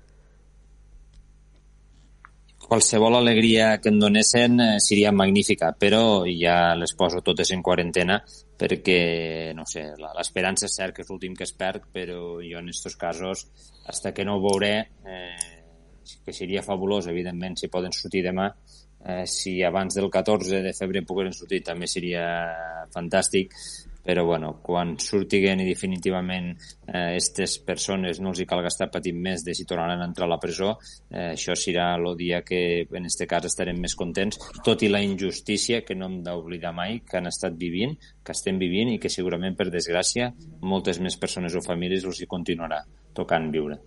Manel? Bueno, contestar-li a la senyora del PSC, perdona, Teresa, no? Uh, que no existeix el delicte de sedició a Europa. No, no, no està. I, per tant, no s'ha pogut jutjar allí uh, aquesta gent. I, per tant, estan lliures per Europa. I, a més, poden exercir de, de bueno, d'europarlamentaris, no? tot i que els ho volen traure. Eh, la justícia va ràpida per a, per a tombar la Laura Borràs al Congrés Eh, per això sí que va ràpida. Per altres coses va més lenta. Eh? Ja l'han tombat? No, per això, per això, va rapidíssima. Per a tombar la Laura Borràs, va rapidíssima. No, no és cert això que dius. Sí, i tant, i tant, que va, que va. És va, diputada, no? No, li han tret... És diputada i corre el govern espanyol, no sé què, no sé què, què parles. No, vale, vale. Eh, ja, ja, ja sabem, tots els espectadors sabem de què parlo, i tant, i tant, que ho saben. Eh, està clar que la llei d'amnistia potser no tenim temps de fer-la. Jo, tant de bo, si posessin i la poguessin fer per al 14 de febrer, però crec que pels tràmits eh, no, no hi ha temps i en tot cas hauria de ser un indult. Un indult una mica estrany perquè els presos no crec que, que diguin reconèixer cap error, perquè no hi va haver cap error en deixar votar a la gent de l'1 d'octubre. Una cosa sí que tinc clara, i ho demanava l'altre dia a la Míriam Nogueras des de l'estrada del Congreso, Eh, si anem junts eh, és més difícil. Si anem separats ens, ens penjaran per separat. Tere, vols afegir alguna cosa? Enric? No, no, no. Bé, en tot cas, també esta decisió d'avui del Tribunal Suprem arriba després que, que ahir al Congrés dels Diputats s'aprovessin els pressupostos generals de l'Estat per al 2021 amb 188 vots a favor i podem dir que el govern del PSOE i Unides Podemos ha aconseguit una majoria fins i tot eh, més gran que la de la investidura i es parla no només de que s'ha aprovat uns pressupostos sinó que fins i tot s'ha apuntalat la legislatura. Tere, ho veus així?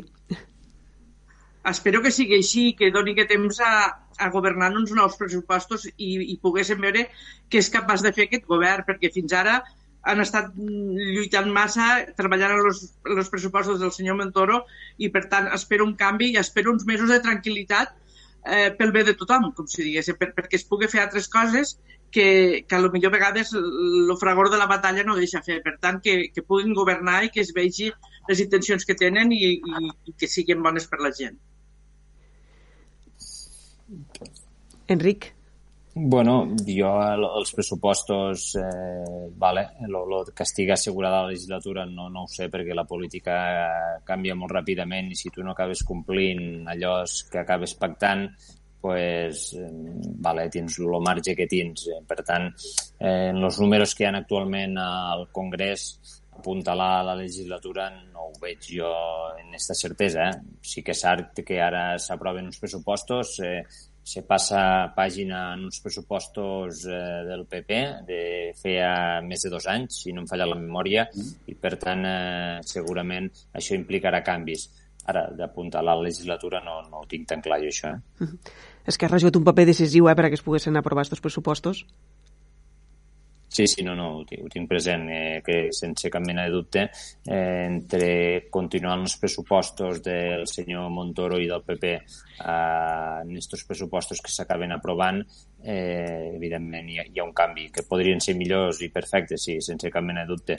La, la clau de volta aquí serà que s'acabin, com dia abans, eh, donant eh, compliment als acords que s'han arribat i a les xifres que surten els pressupostos. Si és així, serà una bona notícia en aquest sentit, i si no és així, eh, si hi haurà una tristor i d'aquí un any ho veurem i llavors eh, se'n tornarà a, parlar com així toca, però bueno, jo crec que independentment eh, que a nivell de Catalunya les dades pues, són les que són i tots les sabem, eh, segurament són molt millors de les que havien i per tant, eh, quan estàs en un lloc així has de fer política, de totes maneres si Esquerra no haguessin donat el suport s'haguessin acabat aprovant igual, perquè 188 menys els diputats i diputades que d'Esquerra eh, sumaven igual majoria, eh, sí que és cert que s'hi ha sumat Esquerra i moltíssima més gent. Manel. Sí, bueno, eh, són uns pressupostos que, que, com altres vegades, segurament eh, prometen lluvia de milions, eh, com va fer Rajoy i Sánchez, i, i al final el que tenim a Catalunya és un incompliment de, de les inversions per part de l'Estat.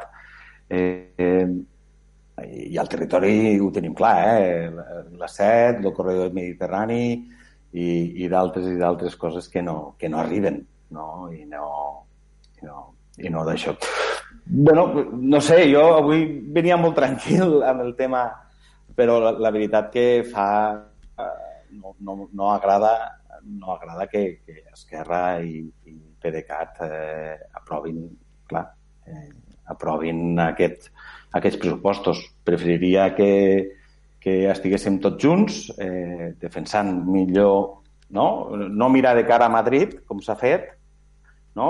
veient aquest dumping fiscal de cara a Madrid, sinó que fossin bons per a Catalunya.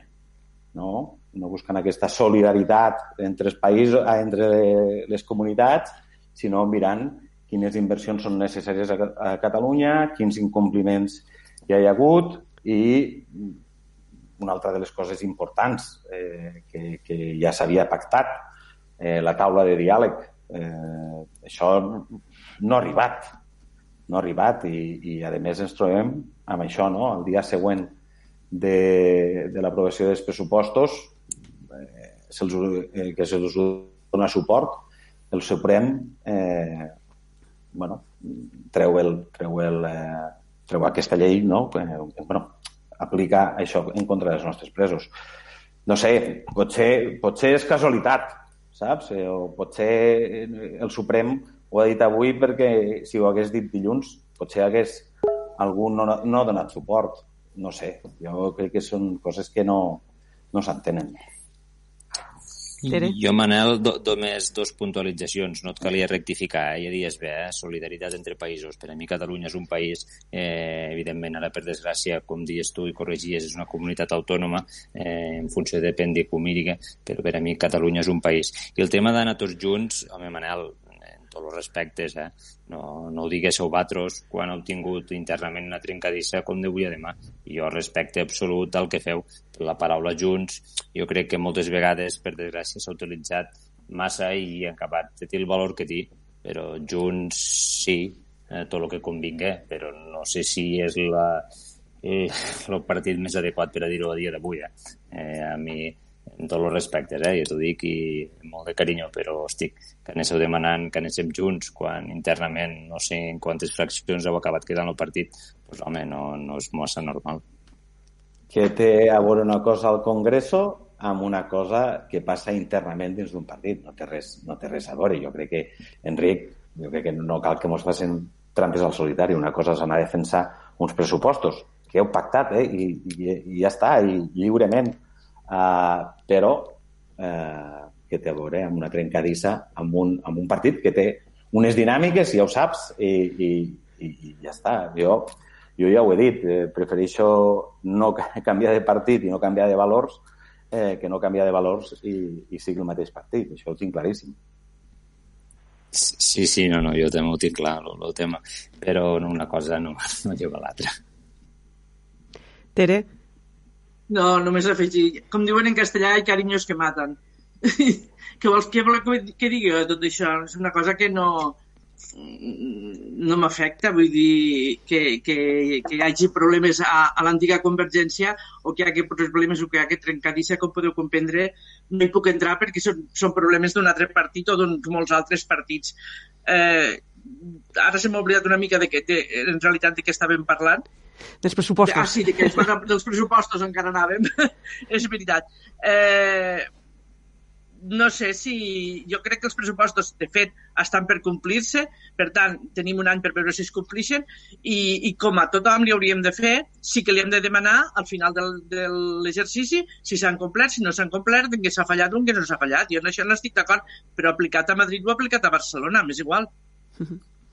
En tot cas, una de les assignatures pendents que esperem... bueno, Manel sí que, que volia afegir... Sí, només, només una afegitó. Sí que li garantís, perquè llegia, li, li garantís la legislatura, la legislatura perquè pot eh, prorrogar els, aquests pressupostos. Per tant, ho té garantit. Eh, per tant, pot aguantar eh, fins que acabi la legislatura.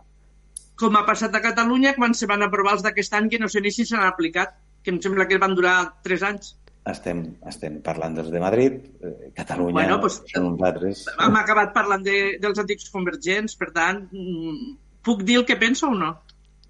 Sí, sí, sí, tant. En tot cas, una de les, parlàveu abans de si, si hi haurà compliment o no dels pressupostos, una de les assignatures pendents que tenim aquí al territori és resoldre el tema de, del Delta de l'Ebre, la regressió al Delta de l'Ebre. Fa poques setmanes se va presentar l'estratègia Delta, que no ha agradat uh, a la taula de consens i també a altres entitats del Delta, i en tot cas, no, este serà un tema que, que caldrà negociar fort a Madrid, no? és a dir, com, quines inversions es fan al Delta de l'Ebre per afrontar aquest problema de, de la regressió.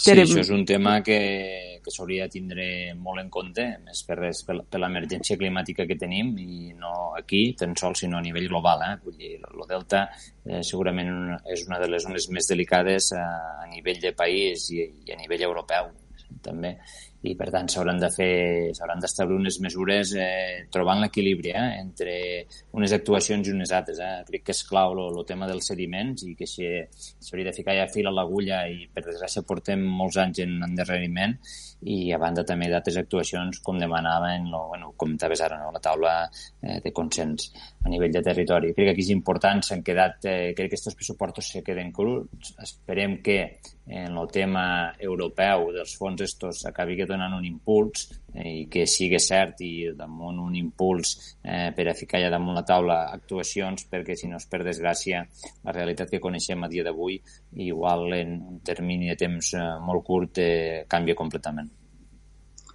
A veure, jo sí que voldria dir que el que es va presentar era un, un primer esborrany negociable, que de fet me consta que ho estan negociant amb, amb el govern central, les entitats com la, com la taula del consens, etc, que no està reflectit com un projecte particular al, als pressupostos generals de l'Estat, però sí que hi ha partides dins del Ministeri per a poder-ho fer.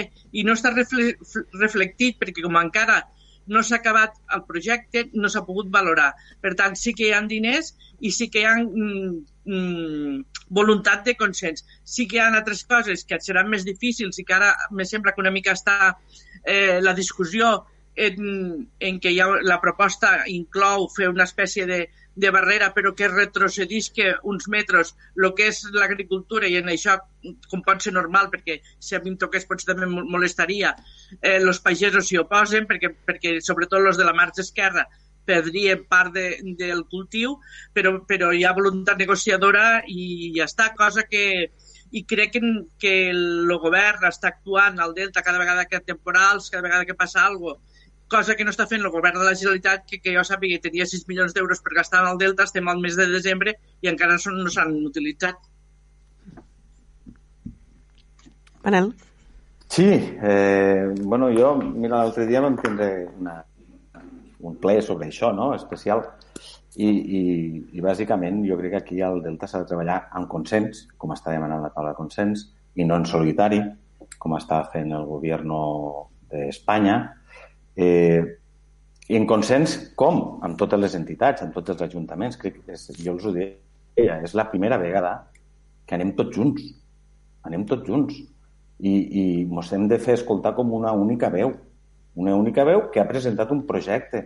I allà, a Madrid, Després de presentar-lo fa un any, com ens comentava eh, l'alcalde en, aquell, en aquell ple, quan, quan arriben a treballar una reunió de treball, de presentació, eh, es troben que no hi ha res del que havia presentat la taula de consens. I és això, jo crec, l'error màxim. És un error de comunicació, és un error d'entesa, és un error del que tu vulgues, però eh, no és forma de treballar en solitari per aquest tema, perquè hi han moltes circumstàncies. I ho deies bé, Teresa, els pagesos que, que, ho tenen, que tenen al costat de la marge esquerra, que els ho toca al mar, que se'ls ho van, eh, que se'ls omplir d'aigua eh, salada amb el Glòria.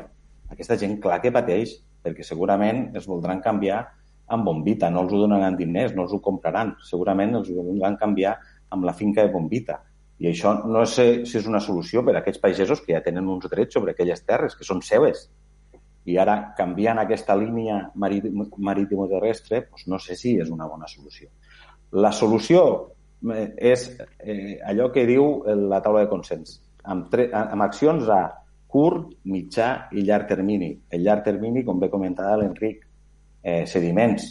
És una estratègia a més temps, però ara s'han de fer actuacions que permetin soldar el delta quasi d'alguna manera a la morfologia actual. I tindre eh, fort, tingui un delta fort per a poder aguantar uns quants anys en aquesta morfologia, que és el que vol la taula de consens. En tot cas, els representants de la taula de consens sí que, no, sí que, han, sí que van dir després d'esta reunió de, de presentació de l'esborrany de l'estratègia Delta que els havia sobtat, és a dir, que per una banda estaven no, la, la línia més política, el subdelegat del govern, el Joan Sabater, el mateix Antoni Espanya, fins i tot les converses que han pogut tindre amb la ministra, doncs sembla que esta, no, el que havien rebut, eh, les inputs que havien rebut políticament no s'adien massa amb esta, amb esta proposta tècnica que s'havia presentat. No sé si Tere, te consta, no? Tu això això, és a dir, que una cosa és la voluntat política i l'altra és que al final ha quedat plasmat tècnicament. En això coincideixo amb Manel, sí que sembla ser que ha hagut un problema de comunicació entre els tècnics del Ministeri i els polítics, per dir-ho d'alguna manera, perquè semblava que sí que s'havia arribat a un consens i, i de fet quan se va presentar el projecte pues, semblava que no. Eh, respecte a lo de si els hi donaran terrenys de bombita o, o els hi compraran, crec que aquí encara no s'ha arribat tan lluny jo no sóc cap experta en aquest tema, per tant no puc profunditzar gaire, però sí que me'n recordo que quan jo era menuda, que ja tinc una edat respectable, los, los pageros, los arrosaires de la part esquerra, que jo tenia molta relació, eh, guanyaven terreny perquè llavors encara creixia i ningú es queixava. Per tant, hem d'estar, com allò que es diu, a les dures i a les madures. No és un, és un problema de que, de que el delta eh, la, la, la sorra més que se'n va a passeja, se'n va d'una banda, se'n va, posa en una altra, i en aquest cas, agreujat pel canvi climàtic, doncs hi ha gent que està perdent, i això és cert, i s'ha d'intentar que es perdi que el menys possible, però crec que tam també tothom rebutja que es puguem fer dics com a Holanda per a, per a fortificar això. Crec que això avui en dia també s'ha entès ja que no és una bona solució. Mm -hmm al mig suposo que estarà el consens. I ja us dic que jo no sóc gran experta i no puc opinar gaire. Manel. No, no, la taula de consens no, no diu de posar dics, diu de fer diverses actuacions. No, jo tampoc ho he dit, eh? Uh, no, no, no, vull dir que no, no és que jo crec que, jo crec que hi ha, hi ha unes persones que s'ha de valorar molt la feina que fan, que és estudiar el delta i proposar una sèrie d'accions. Hi ha l'expert Sánchez, eh, que, que és el que proposa i és el tècnic de la, de la taula de consens, que en el consens de tothom arriba en un acord de dir anem a fer això. I són una sèrie d'actuacions. El Pla Delta jo no me l'he estudiat, no, no me'l sé, però sé que hi ha aquest tipus d'actuacions. I, I alguna d'elles és deixar, deixar una zona buffer, com, com, com proposa el PSOE, bueno, el, el Ministeri, deixar aquesta zona no, de, de, de, de espais salins o, o el que sigui, no? que, la, que, el, que el mar hi pari força, però bueno, i, i s'han de treballar tots els aspectes, curt, eh, mitjà i a llarg plaç. I s'ha de posar fil a l'agulla ja. Jo crec que això estigui en discussió. Enric, en tot cas també Tere abans plantejava el fet este, no? que hi ha esta partida de 6 milions d'euros eh, que té disponibilitat, territori i sostenibilitat i que si no s'invertixen abans de que acabi l'any, estem a 4 de desembre, es perdran els diners. Hi ha hagut pressing polític eh, per part de tots per, per tal de que es puguen invertir aquests diners. No sé si serem a temps, no sé si Enric o, o Manel ho saben. Jo la veritat és que no tinc gaire més informació, igual no tinc més eh, informació Manel. Eh, aquí més escapa és el conseller Damià Calvet he pogut coincidir en alguna reunió però va ser pel tema de la carretera, per tant, vull dir, de la C12, tota la problemàtica que teníem. El tema del, dec, del Delta i jo directament no hi he estat, per tant, no tinc informació. És un departament que, doncs, quan he de tindre tractes com a Ajuntament, no sé, los tinc, però en el cas del Delta no l'he tingut. Sí que em xoca que no s'hagin gastat estos 6 milions d'euros i no s'hagin posat damunt la taula en, les actuacions concretes. És que res pel, pel que diem, eh? si estaven pressupostats s'haguessin pogut executar, però igual ara Manel mos dona més informació. Jo no sí. tinc gaire cosa més. També, eh, bueno, bàsicament, aquests 6 milions s'han de gastar a, una, a un espai que no és de la Generalitat, ja s'entén, és eh, de costes eh, de l'Estat, i llavors eh, hi han cartes, eh, jo per al ple, que, que que vaig tenir fa, la setmana passada, eh, tenia les cartes entre, entre la ministra i el, i el conseller, no? dient-li on actuo, mm, espera't que estem fent un projecte, saps? Però és urgent, saps? És, és esta la cosa, és esta la cosa que, que s'han trobat, no? Eh, que no, no, no hi ha hagut entesa. Eh, lo millor, eh, que pel que m'arriba, eh, que hi havia alguna cosa a mitjans de, de desembre o com a molt tardar abans del 14 de febrer. Però eh, això és bàsic que arribi. És bàsic. Si us sembla, queden 15 minutets de tertúlia. Si voleu, parlem de, de la situació de, de la pandèmia.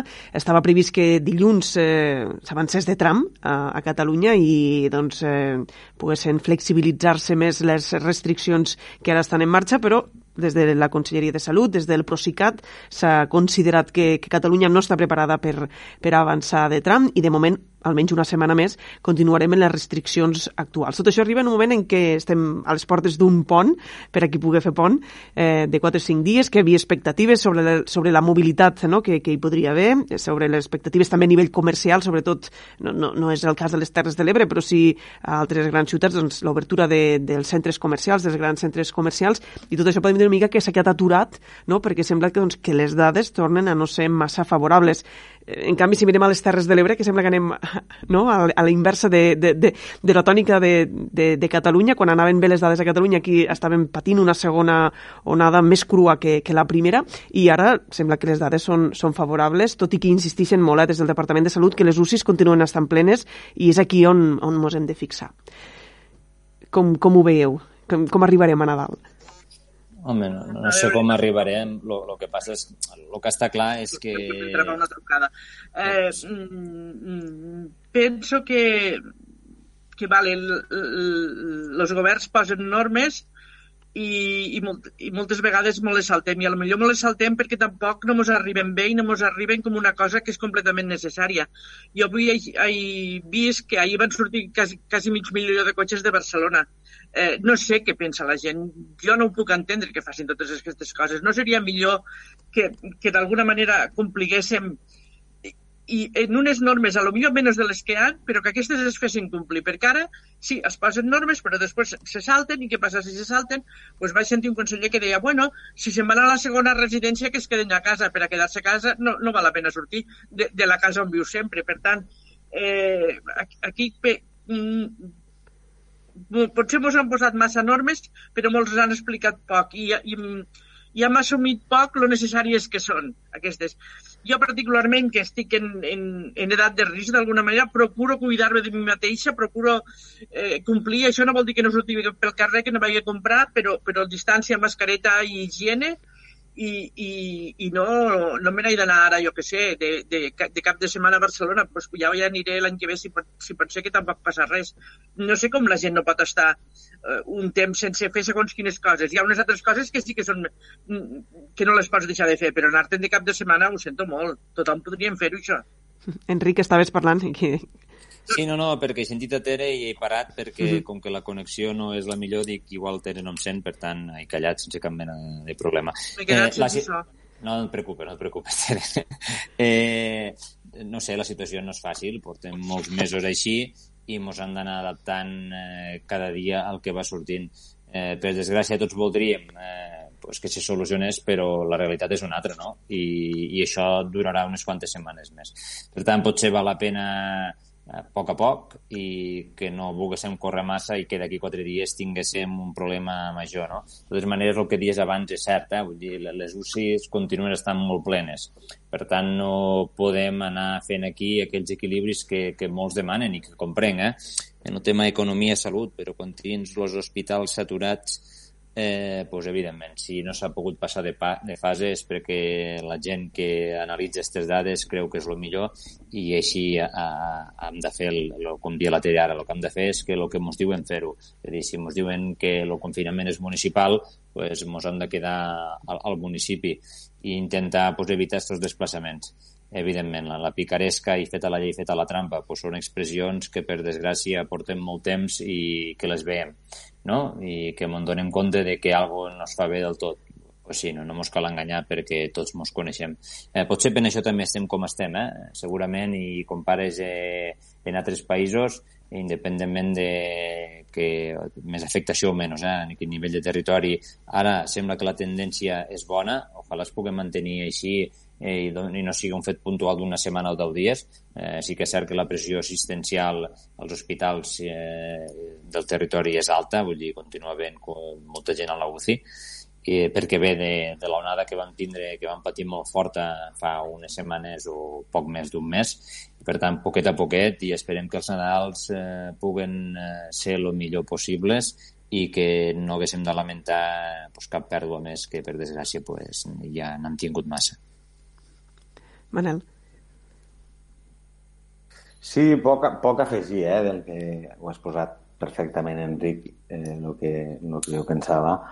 Eh, esta dicotomia eh, empresa-salut eh, a mi sempre m'ha preocupat, no? I, I sempre pensava que el pitjor econòmicament vindria al febrer, no? Perquè, perquè dius, eh, s'acabaran totes les ajudes, s'acabaran s'acabarà tot, s'acabaran els ERTOs i, i, i també de sempre el febrer ha sigut un mes molt dolent eh, a nivell d'atur, a nivell de, de, de facturació, a nivell de tot, no? Els que, que he tingut empresa molts d'anys, el febrer sempre era un dels mesos fatídics, no? I, i, i, i jo crec que el difícil serà el febrer. I hem de salvar el febrer. No, no podem entrar al febrer en una tancada. No podem, en una tancada total i per tant jo crec que hem de ser responsables eh, individualment però també col·lectivament i imatges com la d'ahir de, de, de la ronda de dalt eh, que va sortir mig milió de persones crec que eh, mig milió de cotxes pues, eh, és, és també una mostra d'insolidaritat entre les altres persones, no? No tenir consciència de que aquell pot patir i, i, i fins i tot que pot traspassar, no? O, o entre territoris, no? La ciutat vers eh, les comarques, com ells los coneixen, no? Eh, també és insolidari, això, per, per, per a nosaltres, no? Que, que baixen aquí i que puguen estar infectats i que, eh, bueno, sí, tindrem les cases eh, plenes, però, però és molt insolidari, jo crec que pensar així d'aquesta manera. I què creieu que pot estar fallant no? per, per fet de dir que els missatges, no? és a dir, ahir sortien, eh, sortia la consellera dient que no passem de tram perquè hi ha hagut un canvi brusc no? en les dades epidemiològiques i en canvi el que dèieu ara, és a dir, poques hores després mig milió de cotxes sortien de l'àrea metropolitana de Barcelona. Què està fallant no? per a que la ciutadania no entengui la gravetat del moment? No sé si cansament Cansament, cansament i, i també una, una cosa, no?, que deien que vaig estar escoltant ahir la ràdio i per la nit una, una anàlisi i, i em va semblar correcte que, que, que totes les esperances, tots els plans que s'han fet no han acabat de contemplar la, les pitjors situacions, sinó sempre les millors. No? I llavors, les pitjors situacions, quina era? Pues que ara ens pujàvem, no? I que, per tant, no podíem passar de fase no? I, i, i clar, eh, doncs potser, i com ara tenim una activitat més interna, és hivern, fa fred, i per tant volem estar a casa, doncs aquesta activitat interna eh, fa que el, els estudis que s'havien plantejat i, i, i, no sé, les opcions conforme anar passant de fase no es complixen. I és aquí eh, la cosa. Eh, bueno, no, no, no, no dic que tècnicament siguin dolents, sinó que bueno, estem aprenent-ne d'això, estem aprenent-ne de pandèmia, no? Estem a primer de pandèmia, quan estiguéssim a, a tercer ja en sabrem i, i ja podrem controlar-ho millor. Tere? A veure, ho sento molt baixet, molt baixet. Eh, diria, si em permet la broma, Manel, esperem no arribar a tercer de pandèmia perquè seria massa. Mm, jo no sé si és que, que ens tracten com a crios i no volem ser crios i no volem escoltar, eh, no entenc per què no, no fem el que, lo que se mana. I això és una mica general, perquè si us recordeu, quan aquí van tancar els bars va haver un, una gran fuga de, de gent de Terres de l'Ebre que se'n van a, a Vinaròs i a Benicarló a, a la juerga nocturna.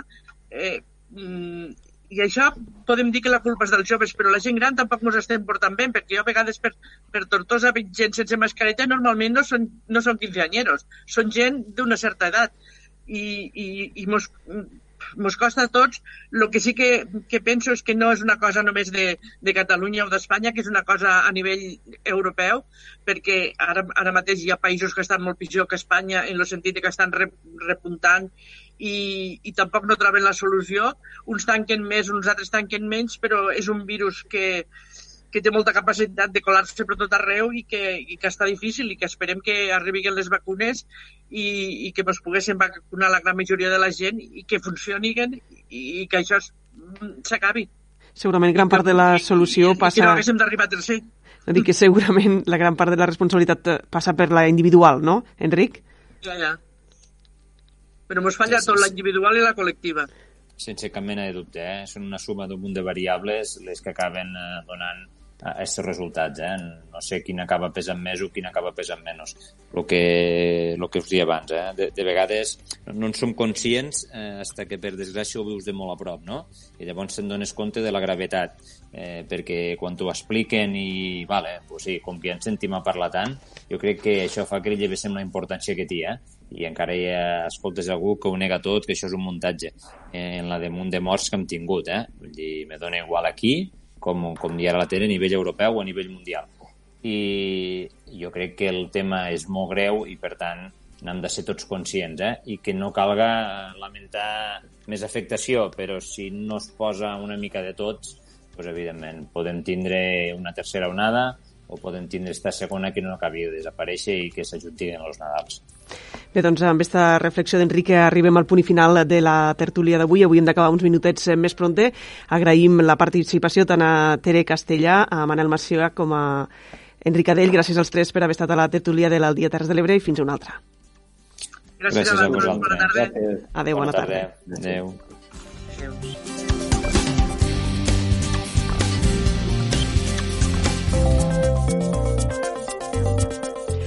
I per acabar, nosaltres avui el programa ens arriben les reflexions, l'opinió del nostre col·laborador Marc Duc. El forcat va cap endins i nota la fresca de la cova a casa. És un espai auster, fosc, amb un balancí i una pantalla a la paret. Des d'allà hi ha tres portes, la cuina, una habitació i un lavabo amb dutxa. Cada un d'ells menys luxós que l'anterior, convertint el lavabo en un forat al terra i la dutxa una conducció d'aigua que ve de l'exterior. El forcat accepta l'aigua que li passa al pare i s'asseu al terra en una posició de control físic, espatlla recta, i el mira. Has tardat molt en venir aquesta vegada, diu el pare. Vaig tenir problemes en l'última missió i em va tocar fer un viatge llarg. He anat fins a tercera Extremadura, però m'ho han pagat bé i puc descansar unes quantes setmanes. Problemes? Quins problemes? Diu el pare. Molts problemes i des del principi. T'interessa?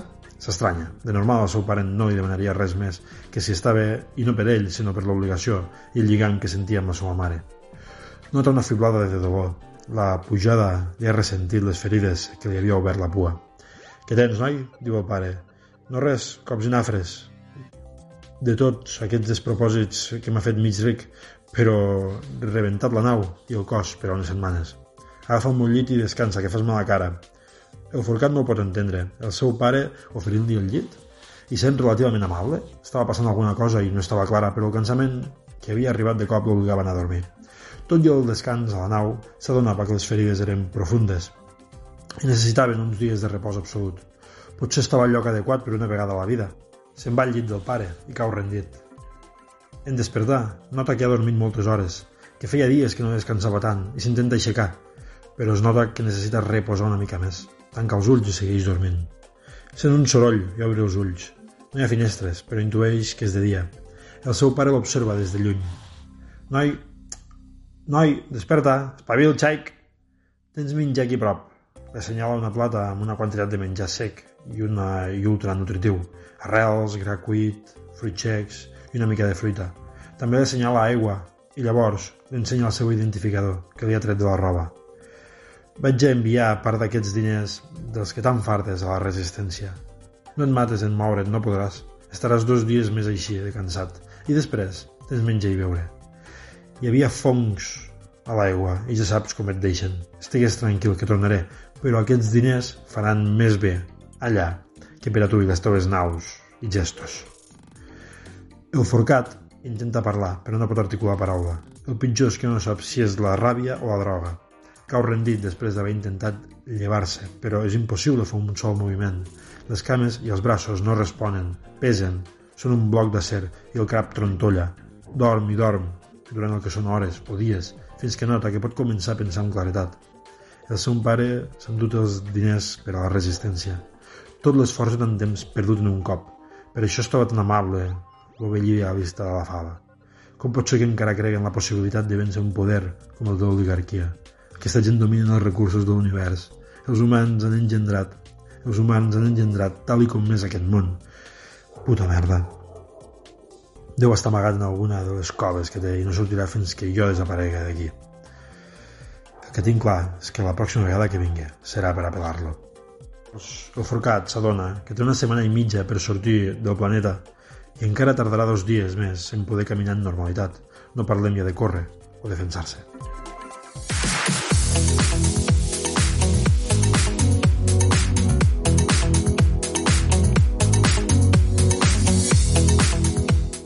I amb les paraules eh, de Marc Duc hem arribat al punt final del programa d'avui. Nosaltres ens acomiadem fins dilluns, ja que a l'Aldia Terres de l'Ebre no fem pont i per tant estarem puntualment a la una del migdia dilluns amb tota l'actualitat de les Terres de l'Ebre. Fins llavors, que tinguem molt bon cap de setmana.